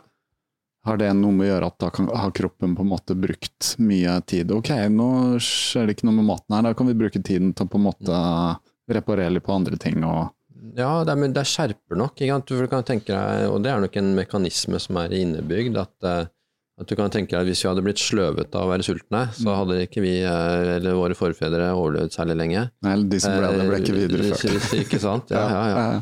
Sånn at, eh, sånn at det, det er et ubehag med å være sulten, men det er også en skjerping. Sånn at man merker absolutt at, det- at det skjerper også på et eller annet plan, så skjerper det oppmerksomheten Mm. og tilstedeværelsen i forhold til å spise. Ja. Ja. Og det er også noe med dette her å, å gjøre, gjøre det bevisst, ikke sant? For at det, fra før av, ikke sant, de første sikkert 50 åra jeg har levd der, ikke sant, så, så spiste jeg bare, det sto bare på timeplanen, man spiser frokost, og så spiser man lunsj, og så spiser man middag. Mm. Og så eventuelt noe kveldsmat. Det er bare sånn det er. Mm. Eh, men etter hvert så begynte å ta, være mer fleksibel og selv ta mer kontroll. Når skal du spise, når skal du ikke spise? Mm. Så, så um, det er noe med å, å være litt mer bevisst rundt de, um, de valgene òg, da. Mm. Har du Altså, da må du på en måte sette litt tid. Vi snakka litt om også at det har gjort at du har blitt dyktigere på kjøkkenet, eller skjønt at ok, jeg kan ta litt ansvar her for, for Ja, hva jeg det- det spiser. ja, det er jo det siste. Det har som sagt vært dårlig på alt, alt dette her, men det jeg har kanskje vært aller, dårligst, aller Ja. dårligst på, eh, det er kosthold. da. Jeg, kan, som medisinstudent, ikke sant? Jeg, jeg syns jo at eh, mat var jo bare en tidstyv. Det var bare noe som var i veien for det jeg skulle gjøre. Mm. Eh, sånn at jeg pleide jo å, å bare ta, gå ned på kiosken, kjøpe ti poser pose med ti boller og en cola, og så tok jeg en og en bolle etter hvert som jeg ble litt sulten. da. Mm. Så da, da brukte jeg da null tid i løpet av dagen på dette med mat. Mm.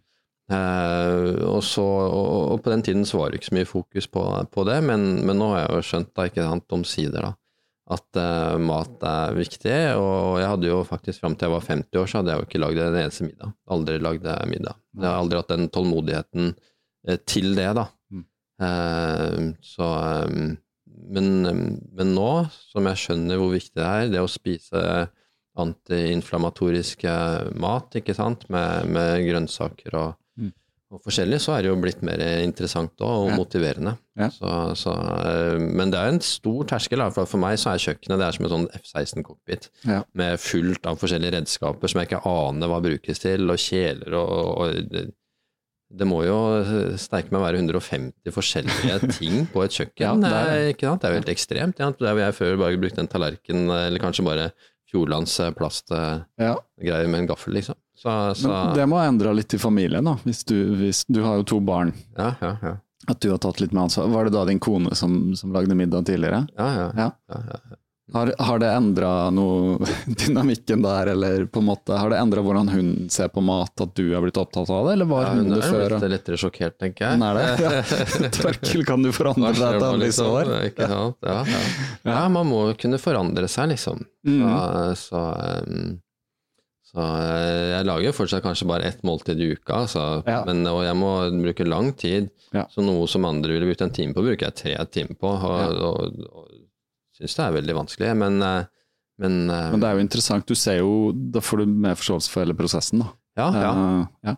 Ikke sant? Skjønner hva Jeg har jo ikke kunnet koke poteter, på en måte. Altså ikke visst hvor lenge det er, eller hvor lenge jeg koker et egg, eller altså. Jeg har vært helt Jeg tror ikke du kjenner noen eller har hørt om noen som har vært like dårlig på å lage mat som det jeg har vært. Altså. Ja, de fleste jeg kjenner, er på en måte har en viss ja. En viss eh, begrep om det. Ja. Det har jeg ikke hatt. Men det er noe jeg opplever at man lærer eh, hele livet, da. Eh, dette med mat, og etter hvert som vi får vite mer også. Det du snakker om fiber, det er ingen som snakka om det før. Mm. Eh, nå ser vi at liksom, å ja, hvorfor er hvittmeleproblemet? et problem? Jo, du har separert ut egentlig alle næringsstoffene, da. Så du sitter igjen med de tomme Ødelagt kaloriene. cellene, ja, du skal Ja. spise mat som er celler. Altså, Hele celler. Ikke sant, istedenfor sånn acellulær eh, mat. Da. Ja. Noe av problemet med maten også, når den er lagd eh, sånn, er er at den, den tas opp for tidlig i tarmsystemet. Ja. Den er såpass eh, si, løs og morsig, at den, Ja. at den tas opp for raskt, rett og slett. Ja. Eh, mens vanlig mat bruker my- mye lengre tid gjennom tarmsystemet. Eh, som det de er det, konstruert for, Det er det vi så vidt jeg har skjønt. Ja. Ja, i, I prinsippet så er det egentlig ganske lett. Vi bør le leve så nært mulig som det våre jeger-samleforfedre gjorde, som mulig. Mm. Både når det gjelder bevegelse, søvn, tid ute, eh, kost. Ikke sant? Det er mange som sier at eh, du burde spise sånn som bestemor, mat som bestemoren din ville kjent igjen. Ja. Eh, men det, du burde kanskje spise mat som på en måte neandertalerne ikke sant, på den tiden ville kjent igjen, rett og slett. Ja. Ingen prosessering, utenom selvfølgelig koking, for der, eh, der skjedde noe selvfølgelig i vår revolusjon. trenger man ikke gjøre det så Man trenger ikke gjøre det så Mesteparten av effekten har du fått ut på å gjøre litt innsats. Ikke sant? Så Mm. etter Pareto-prinsippet på at på 20% innsats så får du 80% av eh, måte, verdien Fordelene. tilbake. Ja. Og for å få ut de siste 20 så må du til med 80% innsats. Så veldig mye får du ut av å gjøre små forandringer. Mm. Små forandringer på søvn, små på kost, små på trening, ikke sant? små på meditasjon. Det trengs ikke mye. Kanskje, kanskje ett minutt fem ganger i løpet av dagen. Ja. Så har du gjort veldig mye eh, når det gjelder å koble deg på evnen til å roe deg ned. Mm. Ikke sant? Hvis du ikke har evnen til å roe deg ned, at du lar situasjoner ta overhånd for deg. Ja. Det skjer et eller annet, ikke sant? det er en kø, det er en idiot som sier noe. Så Mm. Hvis du da ikke har ingen evne til å, til å takle den situasjonen, Mm. så vil jo bare det at du klarer å roe deg ned ett minutt fem ganger om dagen, Ja. utgjøre en kjempeforskjell. Ja. Ikke sant? Fra null til noe. Altså, fra null til noe er veldig mye, da. Mm. Eh, og så vil det koste deg masse krefter å bli en sånn meditasjonsekspert, Mm. ikke sant? Mm. Men det å ha litt tilgang til det å kunne roe seg ned, det er ikke så mye anstrengelse. Jeg ser jo det er jo lagt inn nå i den eh, I Garmin så blar du ned på denne hvilesaken, og så klikker du på siste fire timer, så får du se liksom nivået. Jeg ser det ganske høyt på meg på morgenen her, og så trykker jeg ned, og så står det sånn avslapningstidtak, står det. Ja. Og da kan man ha en sånn pusteøkt. Og jeg ser også at Garmin har en sånn eh, Hvis du tar på deg en hjertestroppe nå, Mhm. så har den en, en litt bedre som virkelig kan sjekke liksom stressnivå, for det er kanskje litt mer data rett Og det, fra ja, og det har nok de nye klokkene inne med sånn, Ja. sånn health eh, snapshot, kaller de det. Health Ja, ja, Og så er det tre minutter som du da må slappe av, da, i de tre minuttene i hvert fall. Stemmer. Det Også kalles her HRV stress, ser jeg det står Ja, her. Ja. Trykk start for målet, men da sier han pulsmåler med bryststropp Mm.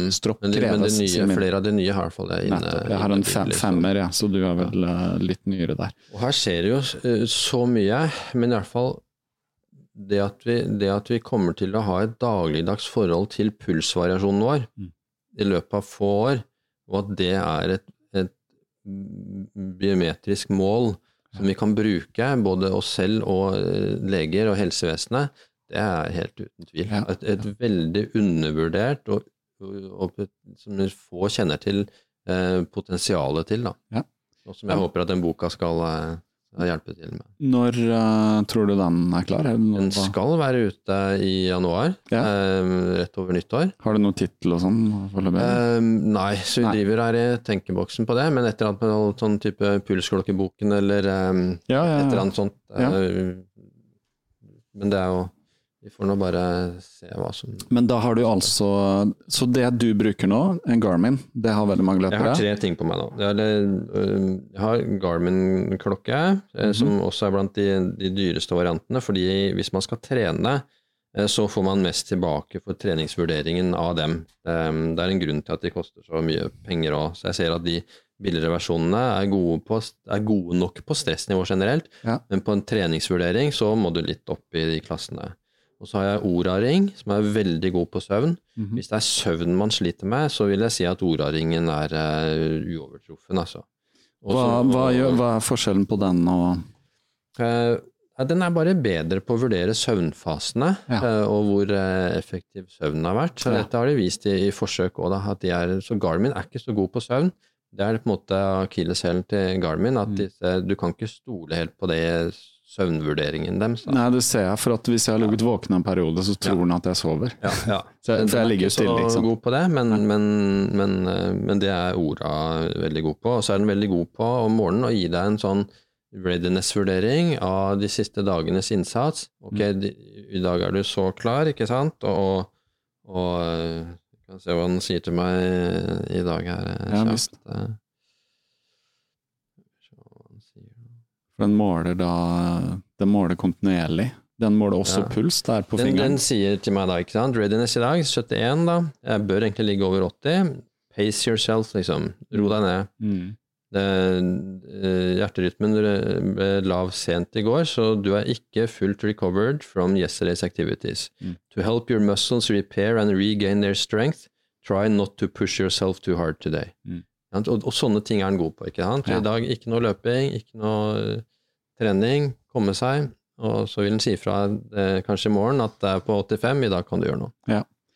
Men det tenker jeg på, fordi sånn som med, med løping, så, så de fleste som løper på et høyt nivå, vet jo at mest av løpingen må være rolig. Mm. Tenker du, Har du sett noe på det, med på en måte de som løper mye, kan jo løpe eh, Sånn som vi, vi sammenligna litt data og soner og sånn når vi løper. og Jeg kan jo, Veldig mye av løpeturene mine er jo såpass rolig at jeg ser at pulsen min er liksom Mm. Oppvarming, sier den, og så går den så vidt inn i Ja. sone to. ikke sant? Så det er jo ikke belastende. Mm, for deg, men det ville vært belastende for meg. Ja? Bare det å løpe for meg, Ja. som er såpass dårlig trent, er en kjempebelastning. Ja. Jeg ville ikke klart å løpe så sakte at ikke det ga meg en kjempebelastning de neste tre-fire timene. ikke sant? Ikke sant? Så det er jo interessant, på en måte, jo mer man løper, jo mer vil man tåle å løpe, og det ser vi jo også at, eh, i ultraløping og sånn. Så, så det er kanskje Ikke sant at Men da kan man også bruke Man bruker pulsen da, og se på soner, men også den stressnivå.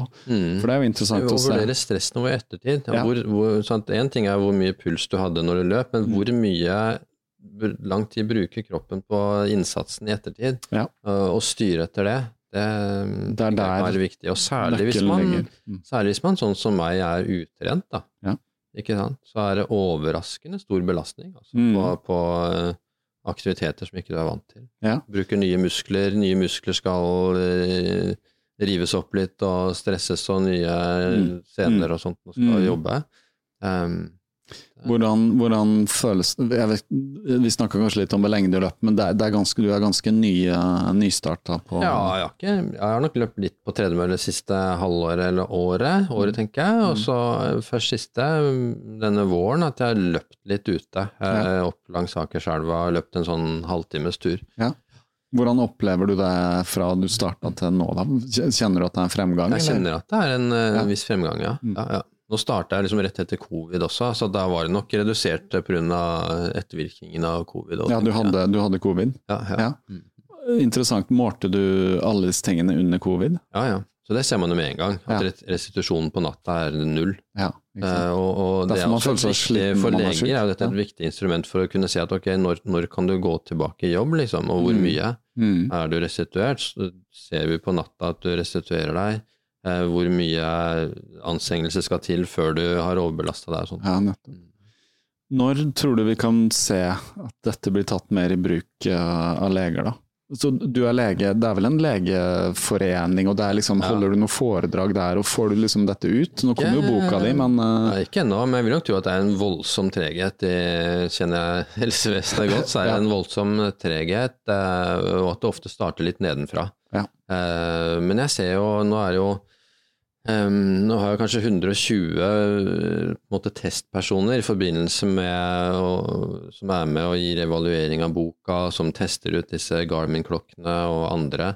Um, sånn at uh, Og der er det flere leger. Ja, Så jeg vil nok tippe at det kommer til uh, sakte, men sikkert å uh, renne oppover Ja, ja, i systemet. Uh, tradisjonelt sett så er jo leger veldig autoritetstro og, Ja. og tradisjonelle. Da. Mindre nå kanskje enn før, men, men fortsatt eh, Jeg opplever det som en- nok uh, hardt inne. Opplever det som en litt sånn helserevolusjon nå, hvor faktisk kan jo bikke over om hvor kalle pasienter eller enkelte mennesker som er ressurssterke, på en måte vet nesten mer enn en fastlegen sin som har holdt på med samme i 30 år. Ja.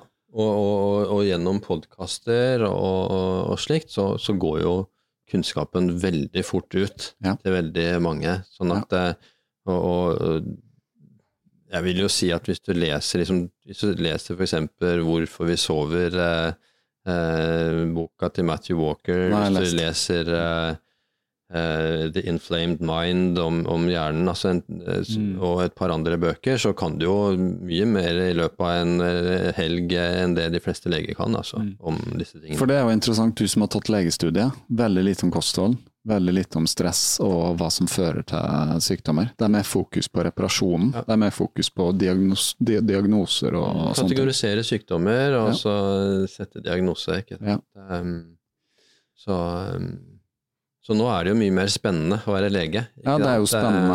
Jeg tenkte jo en, en lang stund rett og slett på å si fra meg legelisensen, ja, og bare drive med fotografi.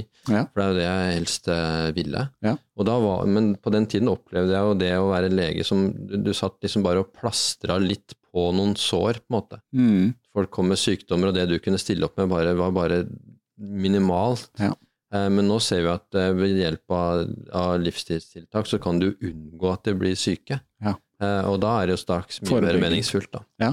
Og det er jo det som førte til eh, at du skrev boka, ikke sant? ja, Du kunne nå mange flere. Absolutt. Og problemet med det som virker, er at det er gratis. Mm. Ikke sant? Det er ingen som har noe å tjene på det. Å sove godt, hvile mye altså Det er kanskje en og en mindfulness-instruktør som har noe å tjene på det, men det er ikke noen bransje som, som har noe å tjene på de tiltakene som faktisk virker. Mens de tiltakene som ikke virker, de er jo dyre. Og, ved, og siden ikke de virker, Mm. ikke sant? Mm. så er det jo masse penger å tjene på Mm. dyre medisiner som, som virker litt, Ja. uh, istedenfor uh, den gratis eh, Ja. forebyggende arbeid. Ja, rett og slett. Ja, det, det er veldig interessant. Det er ikke store kommersielle interesser. eh, Selvfølgelig gjennom podkaster, og kanskje trenere og selge deg på en måte en livsstilscoaching er vel blitt stort Ja. på sånne ting. Og det er jo fordelen nå med denne teknologien, Mm. at, at Garmin og Aura og Whoop har noe å tjene på. Mm. At folk forebygger eh, helsa, helseproblemer. Ja. Så at du får økonomiske interesser inn i forebyggende helse, Mm. eh, det tror jeg faktisk er Ja. viktig. Jeg skjønner jo sånn som Boop eh, hadde jeg hørt om. Jeg hører på Ritual-podkasten. De, annonserer hos han, sånne ting. Ja. Eh, Så Whoop er også veldig fornøyd med, altså WHOP, et, Ja. et uh, bånd som er en slags abonnement, eh, hvor du betaler da 3000-4000 i året. mm, Um, og, og den um, er også sånn som sier fra hvor mye reserverte du i natt, Mm. hvor mye anstrengelse kan du gjøre i dag for å være i en optimal sone. Ja. Um, og Whoop er også de som er flinke på å få og verken Garmin eller Ola kan jeg si fra noe særlig om hva jeg har gjort. Nettopp. Men Whoop skriver du hver dag en sånn eh, spørreskjema hver dag om hva du har gjort, Aha. og de samler inn opplysningene og, og, og finner ut av hva er det som er lurt å gjøre. For å jeg, forbedre ja, for forbedre Ja. både min, altså jeg får hver måned, eller hver uke og hver måned så får jeg en rapport. Dette gjør du, dette gjør deg bedre. Når du gjør dette, så blir du dårligere. Aha. du får et eh, personlig tilbakemelding da, på det aktiviteten gjør. Mm. Sånn at jeg opplever at disse tre instrumentene, da, Garmin, Ola og Whoop, som jeg bruker, eh, bruker de samme tallene og samme parameterne eh, og har litt forskjellig vinkling. Ja. Og til sammen så gir det meg et godt bilde av eh, For dette er jo ganske nytt for ja, disse produsentene også. Det er Mm. mye data som skal Det handler om det å analysere data. analysere data. Og dette er jo ungt, ikke sant? Jeg tror body battery-systemet til Garmin er tre år gammelt. Ja.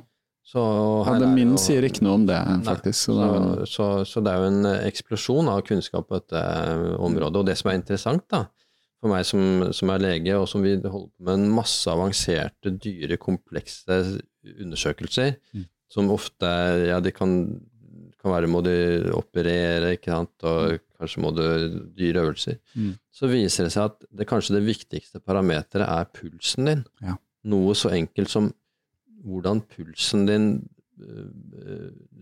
beveger seg, altså hvilken rytme pulsen din har. Ja. Så det var liksom så nære at vi ikke vi så det, på en måte. Ja. Der var løsningen. Ja. Og det sier jo liksom de gamle, og det er jo kjent fra disse gamle inderne og grekerne, at pulsen skulle være som en bølge. Mm. Liksom en bølgetopp og en bølgedal, og så opp på bølgetoppen igjen, og det stemmer. Mm. Det er det Garmin-klokkene nå måler, og, kan, og disse andre orda, og, og, og overskudd. Det, jeg bruker også mye en måler som heter overskudd, som, eh, som også Ingebrigtsen-brødrene har brukt, og mange løpere bruker. Tord Asle Gjerdalen, som vinner Vasalopp og, og forskjellig, som er en mer nøyaktig måler. Overskudd. Um, Overskudd.no. Mm. Det er de det er de målene som jeg bruker i den boka som jeg skriver nå, Mm. og som er de aller mest nøyaktige. Eh, Men det koster eh, også mer og krever en større innsats. Da. Mm. Men hvis man virkelig vil bli god, virkelig vil ta kontrollen over det autonome nervesystemet, eh, både fordi man er idrettsutøver eller eh, fordi man sliter faktisk så mye med, med stressbalansen at man står i fare for å bli syk eller, eller på en måte miste livskvalitet, så er nok overskudd absolutt det jeg ville brukt da Ja. og investert i. Men det er jo sant, Ingebrigtsen-brødrene vil bli god. Eh, løpere vil bli best mulig, særlig de konkurrerer på høyt nivå. Eh, men for oss også. eh, alle vil jo være gode på det de gjør. Vi vil være gode i hverdagen, gode med familien, gode hjemme. Mm. God med seg selv, ja. god på jobb, god i trening, mm. ha overskudd til å skape ting da, som når ut der osv. Så, videre. så jeg tror det er på en måte en litt sånn vinn-vinn-situasjon, men det handler jo i bunn og grunn sånn jeg ser det, ta, ta mer ansvar selv. da. Mm. Altså Vi skal ta det helt fra det plane igjen. liksom Komme seg litt ut av å skylde på andre ting, omstendighetene. liksom bare, og Det er jo litt sånn stoisk filosofi, da. Det handler jo alt om det. Ja, ja. ikke sant? Ingenting Det betyr jo ingenting hva som skjer der ute. Alt betyr jo hvordan takler du det. Ja. Hvordan holdning, ikke sant, som du snakka om igjen, har vi til det som skjer der ute, da. Mm. Uh, bare et eksempel med meg, bare veldig fort jeg sa, ikke sant? begynte med TM-meditasjon. Merker jo lunta mi er jo blitt lenger. Mye lenger. Kunne trigges av ting før. Mm. Nå bare ok, liksom. Mm. Så, så har jeg på en måte mer skjønt også at uh, det blir en litt sånn stygg eh, sirkel, da, hvis man hisser seg opp på, på, la oss si bare barna, alle, alle er slitne noen ganger og sånn. Ikke sant, blir du sinna, hva får du tilbake? Mm. Sinne. Ja. Ikke sant? Kommer ikke noe ut av det. Ikke? Nei, kom ingenting ut av det. Nei, nei. Tar du det med ro, litt tålmodighet, ok det er krevende, men så kommer du over den første For barn reagerer jo veldig følelsesmessig, ikke sant. De blir sinna for det ene og andre. Men jeg merker det. Takler jeg det en liten stund, Mm. så klarer å liksom bare svinge det litt tilbake til den der eh, sympatien, Mm. så ordner det seg fort. Ja. Roer stressnivået seg, og så er det greit. Så kan man snakke om det, og så kommer man ut av det mye fortere istedenfor å ha en sånn Mm. eskalasjon, da. Ja. Sånn er det på jobb òg. Alle har sittet i et eller annet møte, og så Mm. kjenner de hisser seg opp, og så liksom snapper de et eller annet til en person, og så, og så fører det til en dårlig Og så Mm. kan du kanskje tenke seinere på kvelden Faen, liksom, gjorde jeg det? Mm. Og så sover du dårlig, da, og så starter du på litt dårligere igjen. Så det handler veldig mye, sånn som jeg skjønner det, Mm. med boka di der, og med veldig mye ta, ta mye ansvar selv, altså. Ja, Uten at det skal bli belastende, da, at man skal Ja. gå rundt og være engstelig for Ja, og ta ansvar for hva, altså, hva som har skjedd med deg, er én ting, men hvordan du tolker det som har skjedd, det er jo det som, som gjelder, da. Mm. Altså det er liksom eh, altså En av de formlene som jeg ofte bruker, altså hendelse pluss respons er lik utfall. Så hendelsen i seg sjøl er én ting, men det er hvordan du har respondert på det, som avgjør utfallet. Eh, og, og, stoikerne er jo veldig opptatt av. Eh, og, og det tror jeg også jeg merket da tilbake til den der mobbeepisoden da jeg var, eh, var liten. Så tror jeg nok jeg, det jeg lærte av det, eh, og som liksom alltid har vært etter eh, Som jeg alltid har tatt med videre, er at, at jeg lærte at jeg ikke skal la andre folk bestemme hvordan jeg har det. Ikke sant? At jeg sa at ok, dere prøver å plage meg, men jeg nekter å bli plaget, måte. Altså, dere kan slå meg, men dere, Mm. dere, jeg velger å ikke føle meg plaget. Mm. Eh, og, og det å ta kontroll over tolkningen av omstendigheter på den måten, det tror jeg er eh, veldig viktig. Og eh, i, i stoikernes eh, ånd, da. Det er veldig modent for et barn å, på en måte kunne tenke sånn, for de fleste vil jo ikke de fleste vil jo føle seg verdiløse hvis de blir mobba på skolen, ja. og det er ofte det som er den litt sånn onde. Jeg hadde, hadde, hadde, en venn av meg her som entreprenør som har laget en sånn app for skolemestring. Og se at mobbing er utrolig hardt for barn, uh, som fører til skole, skolevegring. Og, men så, ja. Det fører til skolevegring, men det fører også til de beste folka. Ja. Det er jo sånn som Erling Kagge sier, at, at han, han, han, er ikke så interessert i de som ikke har blitt mobba på skolen. Nei. Eller blitt mobba, for da har du lært et eller annet. Du har fått deg en tidlig påkjenning som du, mm. som du må, må, håndtere. Mm. Og jeg skulle ønske at man lærte at de som blir mobbet, lærte mye mer av de som har taklet mobbing. Mm. Man ser på mobbing som bare et problem. Mm. Men, men, men det, som ofte, det som ofte vil se når du ser intervjuer med folk som virkelig har lykkes, og så de forteller om sin bakgrunn, så innebærer den veldig ofte svært eh, store påkjenninger, eh, også i form av, eh, av mobbing. Da. Mm.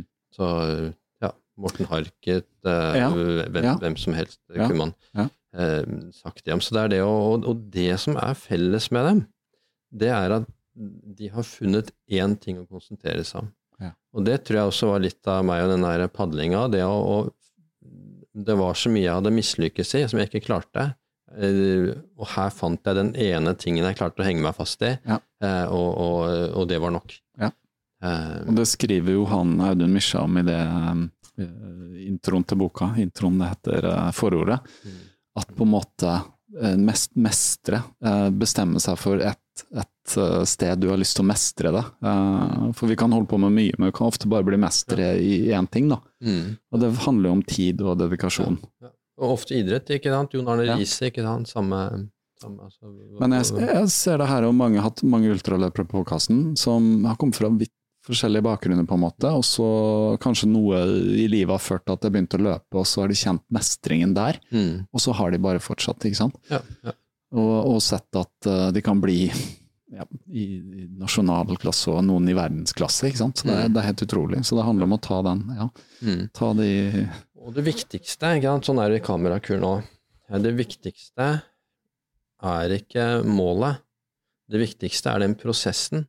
Sånn at selv om det for meg som padler var viktig å, å få disse gullene, eller å prøve å få det, så var det jo det jeg lærte underveis, som var den leksa som jeg alltid har med meg. Mm.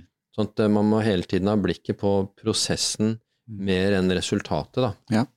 Og, og, og, og, glede, og, du kan si at resultatet det er udemokratisk fordelt. Det er ikke sikkert du, du, vil klare å få det resultatet du ønsker, men gleden over prosessen, mm. det er tilgjengelig for alle. Ja.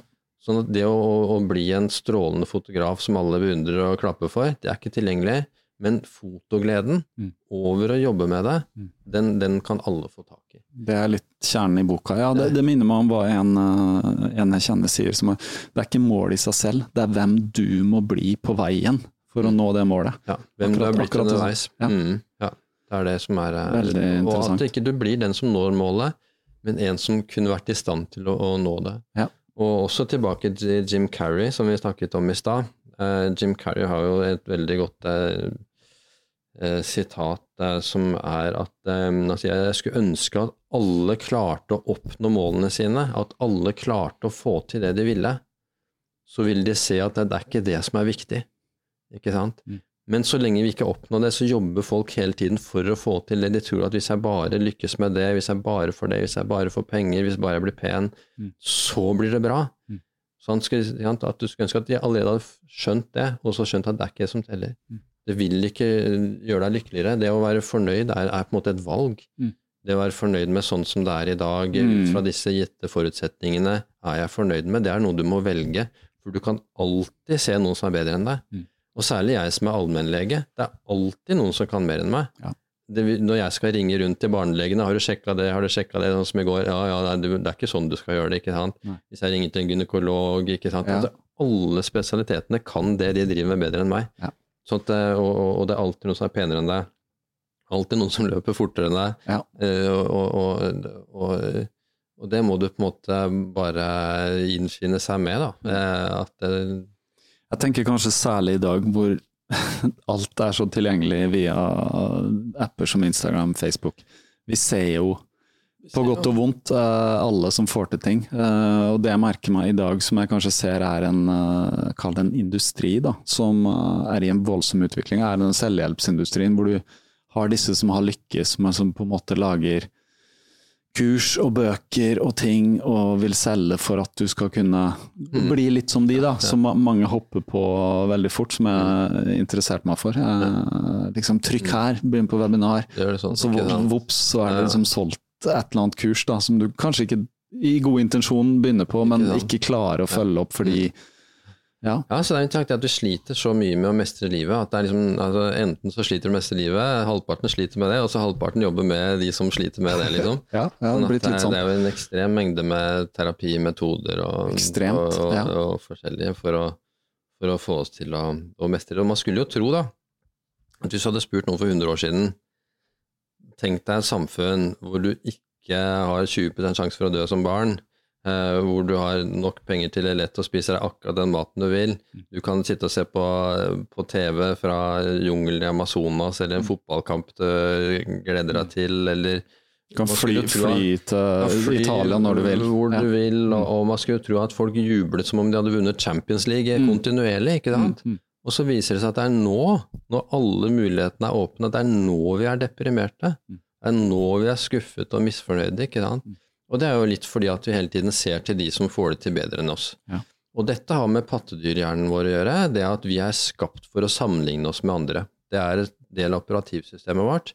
Eh, pattedyr har et ekstremt system eh, for å sammenligne hvem er bedre enn meg, hvem er dårligere enn meg, eh, som tradisjonelt kommer av hvem skal jeg slåss mot. Mm. Fordi at de som klarte å sammenligne seg riktig, overlevde bedre.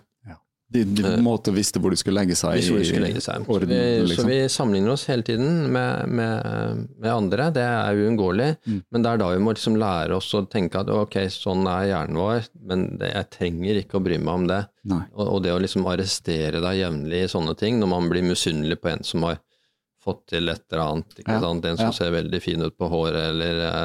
Eller, eller har liksom alle de følgerne på Instagram og får til det som man kanskje har prøvd på. og sånn. Ja. Ikke sant? Og da blir man litt misunnelig og får et eller annet ubehag. Mm. Det viser at hvis du får vite at noen er bedre enn deg, så vil det skilles ut kortisol. Ah, Dette er en del av systemet. Ja, Stresshormonet vil, vil, komme når du ser at noen har gjort det bedre enn deg. Mm. Det er en del av sånn vi er, sånn vi er lagd. Å være bevisst på det vil jo på en måte forkorte litt den stressprosessen. Akseptere det. Og tulle, tulle hjernen tulle med meg. Ja, ja. Eh, det var sikkert nyttig for eh, Eh, for 100 eh, 000 år siden, men nå, nå, gjør det at jeg går gjennom livet og er mm. skuffet og misfornøyd. Mm. Når jeg egentlig har veldig kort tid, så jeg har ikke tid til å være misfornøyd. Jeg, jeg, jeg går egentlig rundt sånn og jubler med hendene over hodet som jeg har vunnet Champions League hver dag. Jeg, jeg og, og, tenker at jeg har ikke jeg har jo ikke tid til, kanskje jeg har 20 år igjen. da. Ja. Hvis jeg dør, altså Faren min døde, da var han 73, da er jeg 53. Mm. Eh, hvis jeg skulle leve like lenge, lenge, så har jeg 20 år igjen. Lenge, jeg kan ikke altså. drive og bruke den tida på å være misfornøyd med, med småting og små irritasjoner som, som, andre har lagd for meg, på en måte. Ja. Eh, sånn at eh, det gjelder å, å, å bruke tida eh, riktig, altså. Det gjør det. Så, så, og det er jo egentlig det som har vært drivkraften med fotografi og, og legejobb og alt. at Hvordan skal du få mest mulig ut av livet? For at jeg husker, og det husker jeg liksom som det skulle vært, eh, nesten skulle vært i går, altså en eller annen dag jeg plutselig innså at jøss, du har kort tid. Mm. Det er så mye å finne på, det er så mye å se. Du må bare komme i gang, liksom. Noe som har ført til at du har gjort en del ting, da. Du har vært ja. ute og seilt med familien din. Ja, jeg har seilt gått... halvåret rundt, ja. ja. Mm. I hvor mye tid sammen? Snakk om flere år, eller? Ja, vi har nok vært tre år på båt sammen, tipper jeg. Ja, ja. ja så, så... Hva har det lært deg? om, ja, det, om, om hverdagen ja, med, med, kone og barn, rett og slett? Ja, det har jo det har vært en veldig eh, Kanskje det viktigste som jeg har gjort, ja. Tenker jeg. Og, og vi starta igjen, da var jeg jo dårligst. Altså, vi hadde jo, jeg hadde jo aldri seilt. Jeg kunne ikke noe med en båt før vi kjøpte båten. Eh, sånn at eh, Og har jo måttet lære det å seile, kunne forholde seg til en svær båt, eh, vær, vind. Eh, mekanikk, elektronikk, navigasjon. Eh, Har du seilt over uh, Atlanteren og sånn? Seilt over Atlanteren, over, ja. over halve Stillehavet. Vi, ja. vi, solgte båten altså Covid gjorde at uh, vi hadde båten da på en uh, atoll utafor Tahiti mm. og, Stillehavet. og, i Stillehavet. Mm. Uh, til slutt så bare ok, dette blir for dyrt, vi kan ikke ha den der, det koster skjorta. Ja. og solgte den, og så har vi kjøpt ny båt nå, da. Ja. Så, så, det blir spennende. Jeg skal om en måned til, så skal vi på den nye båten. Ja, det, det, er i hvor er, hvor Det skal ligge i Kroatia og ja. gå delvis i utleie. Så når ikke vi bruker den, så er den i, er den i utleie. Da. Ja, ja. Har du vært utfor noen skikkelige stormer og Ikke skikkelige stormer, kort, kortvarige stormer. Så, hvis det, hvis det, så det er jo noe av det som har lært å, å, å holde seg unna stormområdene i de dårlige sesongene. Ja. Eh, men kortvarige stormer som gir litt trøbbel, ja, og ekte trøbbel. Ja. Ikke sant? Holder på å synke og sånt nå. Oh, shit. Ja, ja. sånn at det er, det er, noe med at vi er, vi er liksom litt sånn lagd for ekte trøbbel. Ja. Vi er ikke lagd for trøbbel som vi forestiller oss i hodet. Hvordan, hvordan takler du det? Du snakker om stress. Det er stress, men da må du fokusere på oppgaven, da. Da må du fokusere på oppgaven, ja. Ja, ja, ja. Du kom deg unna det tydeligvis sitte her, da. Men eh, frykt, følte du Du hadde flaks igjen. Ja, da, da skulle jeg hatt klokka. Jeg skulle nok gått gjennom taket noen dager. Ja, for det er reell frykt for å faktisk dø? Her må jeg gjøre noe. Ikke, ikke dø, kanskje. For jeg Nei. skjønte at vi var, at vi var rett utafor havna i Curacao. Eh, i, og, og, og, så hadde vi fått en lekkasje, så vi plutselig oppdaga at jøss, vannet står jo over planken her. Oi. Det er jo dumt. Ja, nettopp. Eh, så det var en sånn sånn ja. og, og, vi fikk ikke tak i noen på kanal 16. Mm. Og, og, skjønte ikke helt åssen vi skulle ta oss videre. Men vi hadde ett skrog som på en måte fungerte, en motor som fungerte, eh, og måtte da navigere Det er en katamaran, da. Aha. Så vi måtte navigere med den ene motoren. Og det var jo ikke så lett. Nei. Og samtidig så måtte det være sånn brann, altså folk måtte tømme med bøtter. Så vi hadde en hel gjeng med bøtter som ja. gikk, gikk, opp og ned. Så da da var det stress. det skjønner jeg. Så, men det er sånt man lærer, ikke sant. Av, mm. Eh, Slik du takler øyeblikket, takler du alt. Ja, ja, ja, ja, Så det er ikke sånn når du har vært der, så er det på en måte en del andre ting som blir litt mindre betydelige i form av stress, da. Ja, eh, absolutt. Og så en annen ting som jeg kanskje skulle si. altså jeg jobba jo i Angola for Leger uten grenser. Jobba i en by som, eh, som prinsesse Diana var i på den tida, for det var liksom den byen i verden med mest mest miner og mest krig, og, og, og, og da jobba jeg på barnesykehuset for Leger uten grenser, og da døde jo tre barn eh, hver natt. Etter hvert så lærte jeg liksom av den der egenskapen å, å se hvem ser jeg ikke i morgen. Eh, ok, deg ser jeg ikke, deg ser jeg ikke, deg ser jeg ikke i morgen. Eh, masse mineskader, eksplosjonsulykker, og, og se et folk som, som led så mye, da, hvor liksom halvparten var jo døde etter noen slag som hadde vært nylig. Mm. Og, og, så livsgleden deres. Mm. Så hvordan de gledet seg over små ting, hvordan de dansa i gatene, hvordan det var, det var, det var jo et, eh, et, trøkk som jeg liksom aldri hadde sett. Og så husker jeg, det var jeg ikke forberedt på, men det jeg aller minst var forberedt på, var når jeg kom hjem og så hva folk irriterte seg over, og hvor triste de så ut. Mm. Når jeg liksom kom derfra, og, og, og det, den opplevelsen i Angola tror jeg nok liksom vaksinerte meg mot å klage. Mm. Vaksinerte meg på en måte mot, mot uh, misnøye mm. på et vis. Mm. Så, så, det å ja, lære av disse her vanskelige opplevelsene, rett og slett. Mm. Noe som frier, jeg tenker på hvor mye tid og energi det frier, da, Å ikke irritere seg over uh, saker og ting ja, ja. som er liksom egentlig betydningsløse. Ja, ja. da har du tid til mye annet. For det er viktig, altså, En ting er at det er viktig hva du skal gjøre, men vel så viktig er det hva du ikke skal gjøre. da, Hva du mm. ikke skal bruke tid på. da. Mm. Mm. Sånn at, og Det er jo sikkert noen som tenker at jeg har fått til mye og sånt nå, eh, men, men mye av det har faktisk vært hva jeg ikke har brukt tid på. For så vidt at, at jeg ikke har brukt tid på å lage mat. ikke sant? Ja. Og masse av disse tingene som jeg har kuttet ut og aldri brukt tid på, ikke en time om dagen. Mm. Så, så, i den situasjonen har jeg spart masse tid mm. som jeg har kunnet bruke på å lære meg ting og oppleve ting og reise og, mm. og, og ulikt. Eh, men så, så, um, så dette med mat så må jeg da åpenbart, hvis jeg har lyst til å leve lenge og, og frisk, så må jeg skjerpe meg. Ta, en, ta et visst, eh, ja. Eh, det var én ting jeg skulle spørre om her. Jo, pilegrimsvandringen. Uh, interessant det òg. Erfaringer fra å gå, uh, gå langt. Mm, mm. Du har gått uh, Hva heter det? Santiago? Santiago, ja. ja. ja Mm. Spania. Hvor langt? Spania. Det er en måned, i hvert fall den som vi gikk. Og så gikk jeg til, eh, til Trondheim. Så vi lagde filmer for NRK på begge Ja. de gangene. De kan ja. veien til Santiago og veien til Nidaros. Eh, mm. eh, og da opplevde jeg den herre Og det er også en måte å leve sterkere på. Og jeg sier jo ofte, jeg vil ofte si til pasienter, altså folk som er i livskriser, gå. Ja. Gå en måned.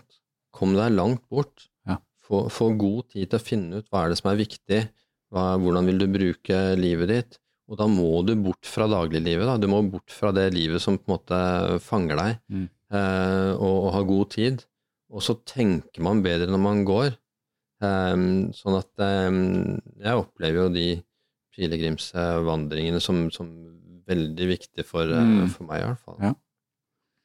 Så jeg opplever jo det at uh, i dagliglivet så blir vi så små, ikke sant. Vi er omgitt av alle som skal fortelle oss noe fra aviser, og hva Vedegard Støre, og hva sier eh, Putin, Zelenskyj, hva holder alle disse på med? Ja. Og så preges jeg veldig av det. Men det som jeg oppdaget når jeg var ute og vandret, er at, at livet ditt antar på en måte de riktige proporsjonene. Da. Plutselig så blir du hovedpersonen i livet ditt igjen. Da.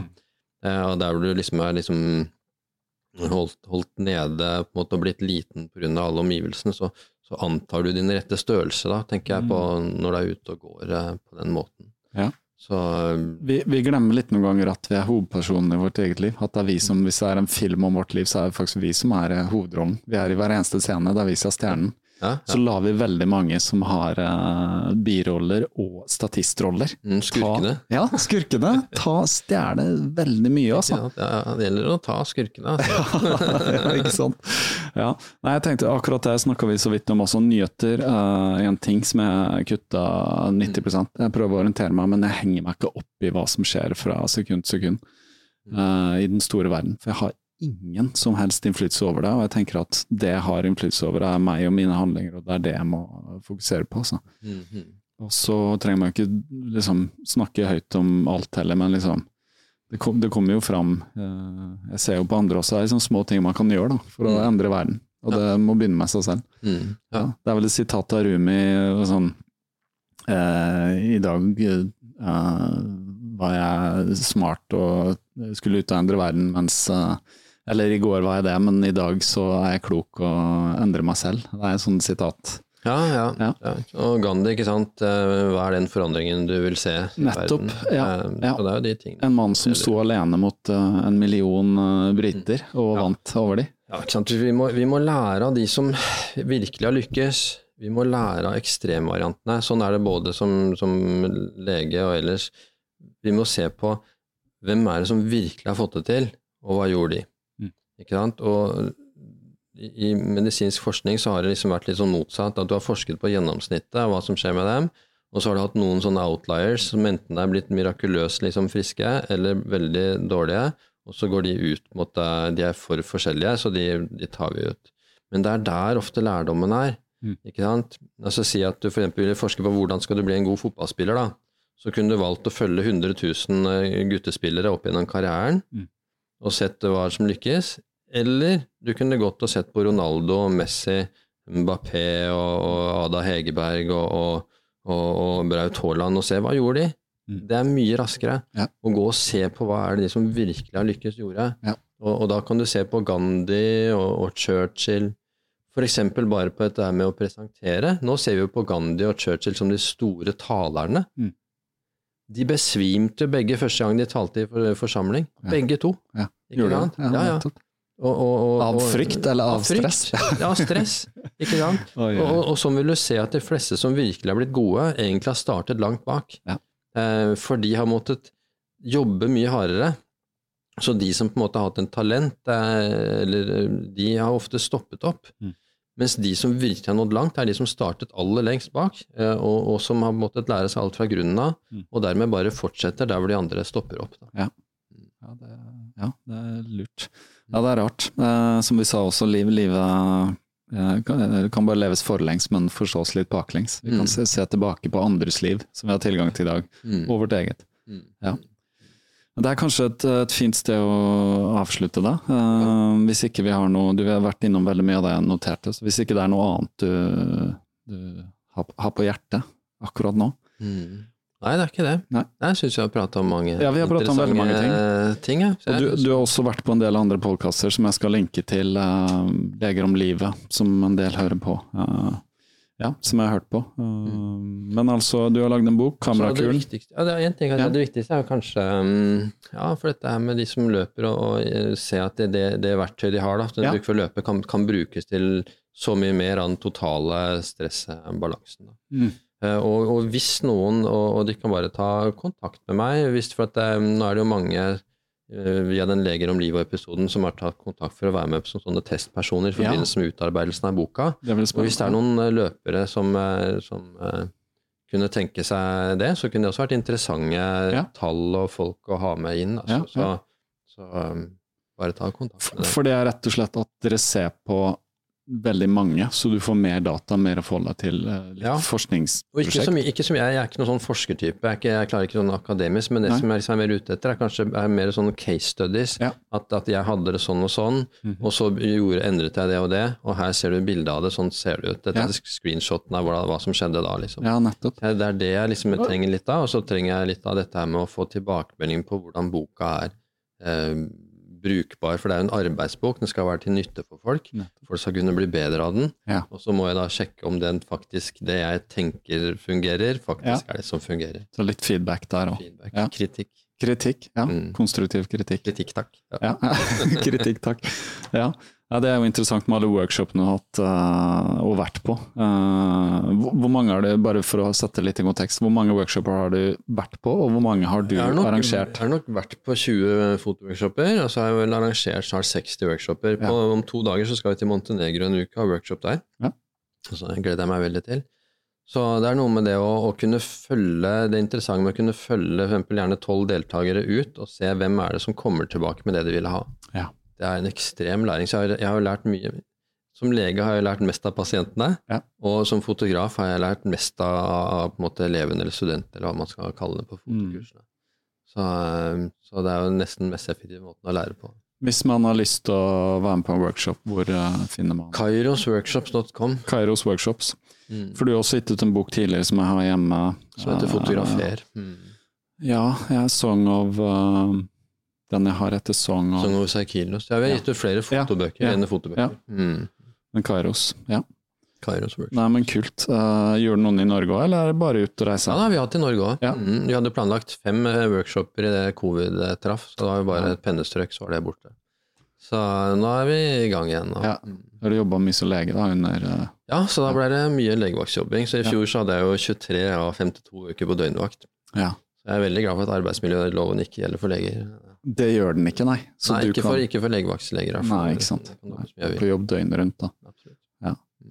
Men ok, Torkil, dette var veldig gøy. Uh, masse som kom fram her som jeg tror er nyttig for folk å høre på. Og så kommer, så jeg kommer litt tilbake til kanskje i fremtidige episoder hvordan det går. Kanskje du kan komme igjen når den boka kommer ut. Vi kan gå enda mer inn på det her med løping og sånn, fordi Interessant. Veldig interessant. Jeg tror du kan utvide litt perspektivet man har. Mm. Eh, på seg selv og løpingen og livet generelt. Så mm. tusen ja, takk. Ja, tusen takk for at vi kom. Det er veldig fint å, å, prate med også folk som har mye av den samme interessen og kunne ja, snakke rundt det. Altså. Det var det. Kult. Hvordan uh, føles det nå? Har dere lært noe? Fått litt innsikt? Jeg håper det veldig mye forskjellig kunnskap der. Uh, mange andre ting, så det er mulig å gå i, mer i dybden i. Uh, som sagt, jeg legger noen linker til noen andre podkaster Torkil har vært med på. Og så hadde det vært gøy å snakke med han igjen, selvfølgelig, når uh, boka er klar. I mellomtiden så kan vi jo begynne å prøve å følge litt mer med på vår egen Eh, hjertevariabilitet. Eh, se hvordan restitusjon er i forhold til søvn. Eh, litt har vi jo på følelsen, litt vet vi av erfaring selvfølgelig, men dette er mulig å bruke for oss som er løpere og har, som de fleste, veldig travle liv ved siden av. Så uh, bare si tusen takk til alle som lytter um, for tilbakemeldingen på podkasten. Uh, hvis dere vil hjelpe podkasten, så er det flott om dere bare sprer ordet. Sosiale medier og alle disse tingene. Uh, legger igjen anmeldelse på iTunes. Uh, iTunes er, eller iTunes, podkaster, Apple Podkaster heter det vel nå. De er fortsatt størst. Støtte meg på Patrion. Eh, slash Kaptarepåkast. Det er det mange som gjør. Tusen takk for det. Veldig viktig. Uh, så hørte dere kanskje at lyden var ikke helt optimal, dette opptaket her. Brukte Deichmanske som studio igjen.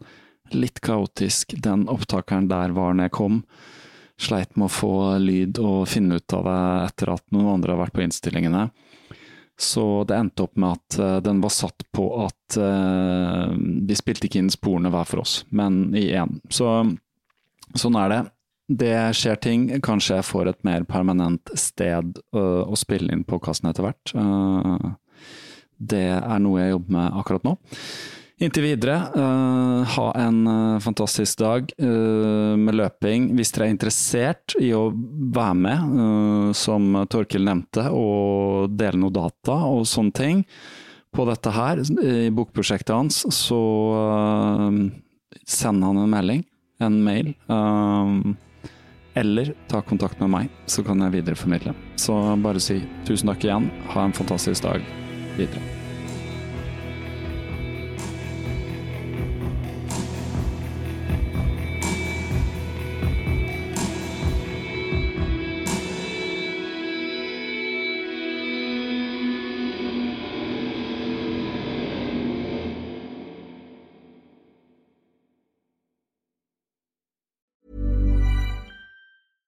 Step onto the legendary clay courts of Roland Garros, where the world's best players battle it out at the French Open for a chance to win a Grand Slam title. Tennis Channel Plus is your place to watch. Stream every court from your phone or smart TV live in HD. See the action unfold as legends fight for glory and new rivalries emerge. Daily live coverage begins Monday, May 20th, with match replays on demand so you never miss a moment. From the first serve to the final point, Roland Garros promises unforgettable moments and new chapters in tennis history. Stream now with Tennis Channel Plus to be there when it happens. Even on a budget, quality is non negotiable. That's why Quince is the place to score high end essentials at 50 to 80% less than similar brands. Get your hands on buttery soft cashmere sweaters from just 60 bucks, Italian leather jackets, and so much more. And the best part about Quince, they exclusively partner with factories committed to safe, ethical, and responsible manufacturing. Elevate your style without the elevated price tag with Quince. Go to quince.com slash upgrade for free shipping and 365-day returns. Ever catch yourself eating the same flavorless dinner three days in a row? Dreaming of something better? Well, HelloFresh is your guilt-free dream come true, baby. It's me, Kiki Palmer. Let's wake up those taste buds with hot, juicy pecan-crusted chicken or garlic butter shrimp scampi. Mm. Hello Fresh. Stop dreaming of all the delicious possibilities and dig in at HelloFresh.com. Let's get this dinner party started.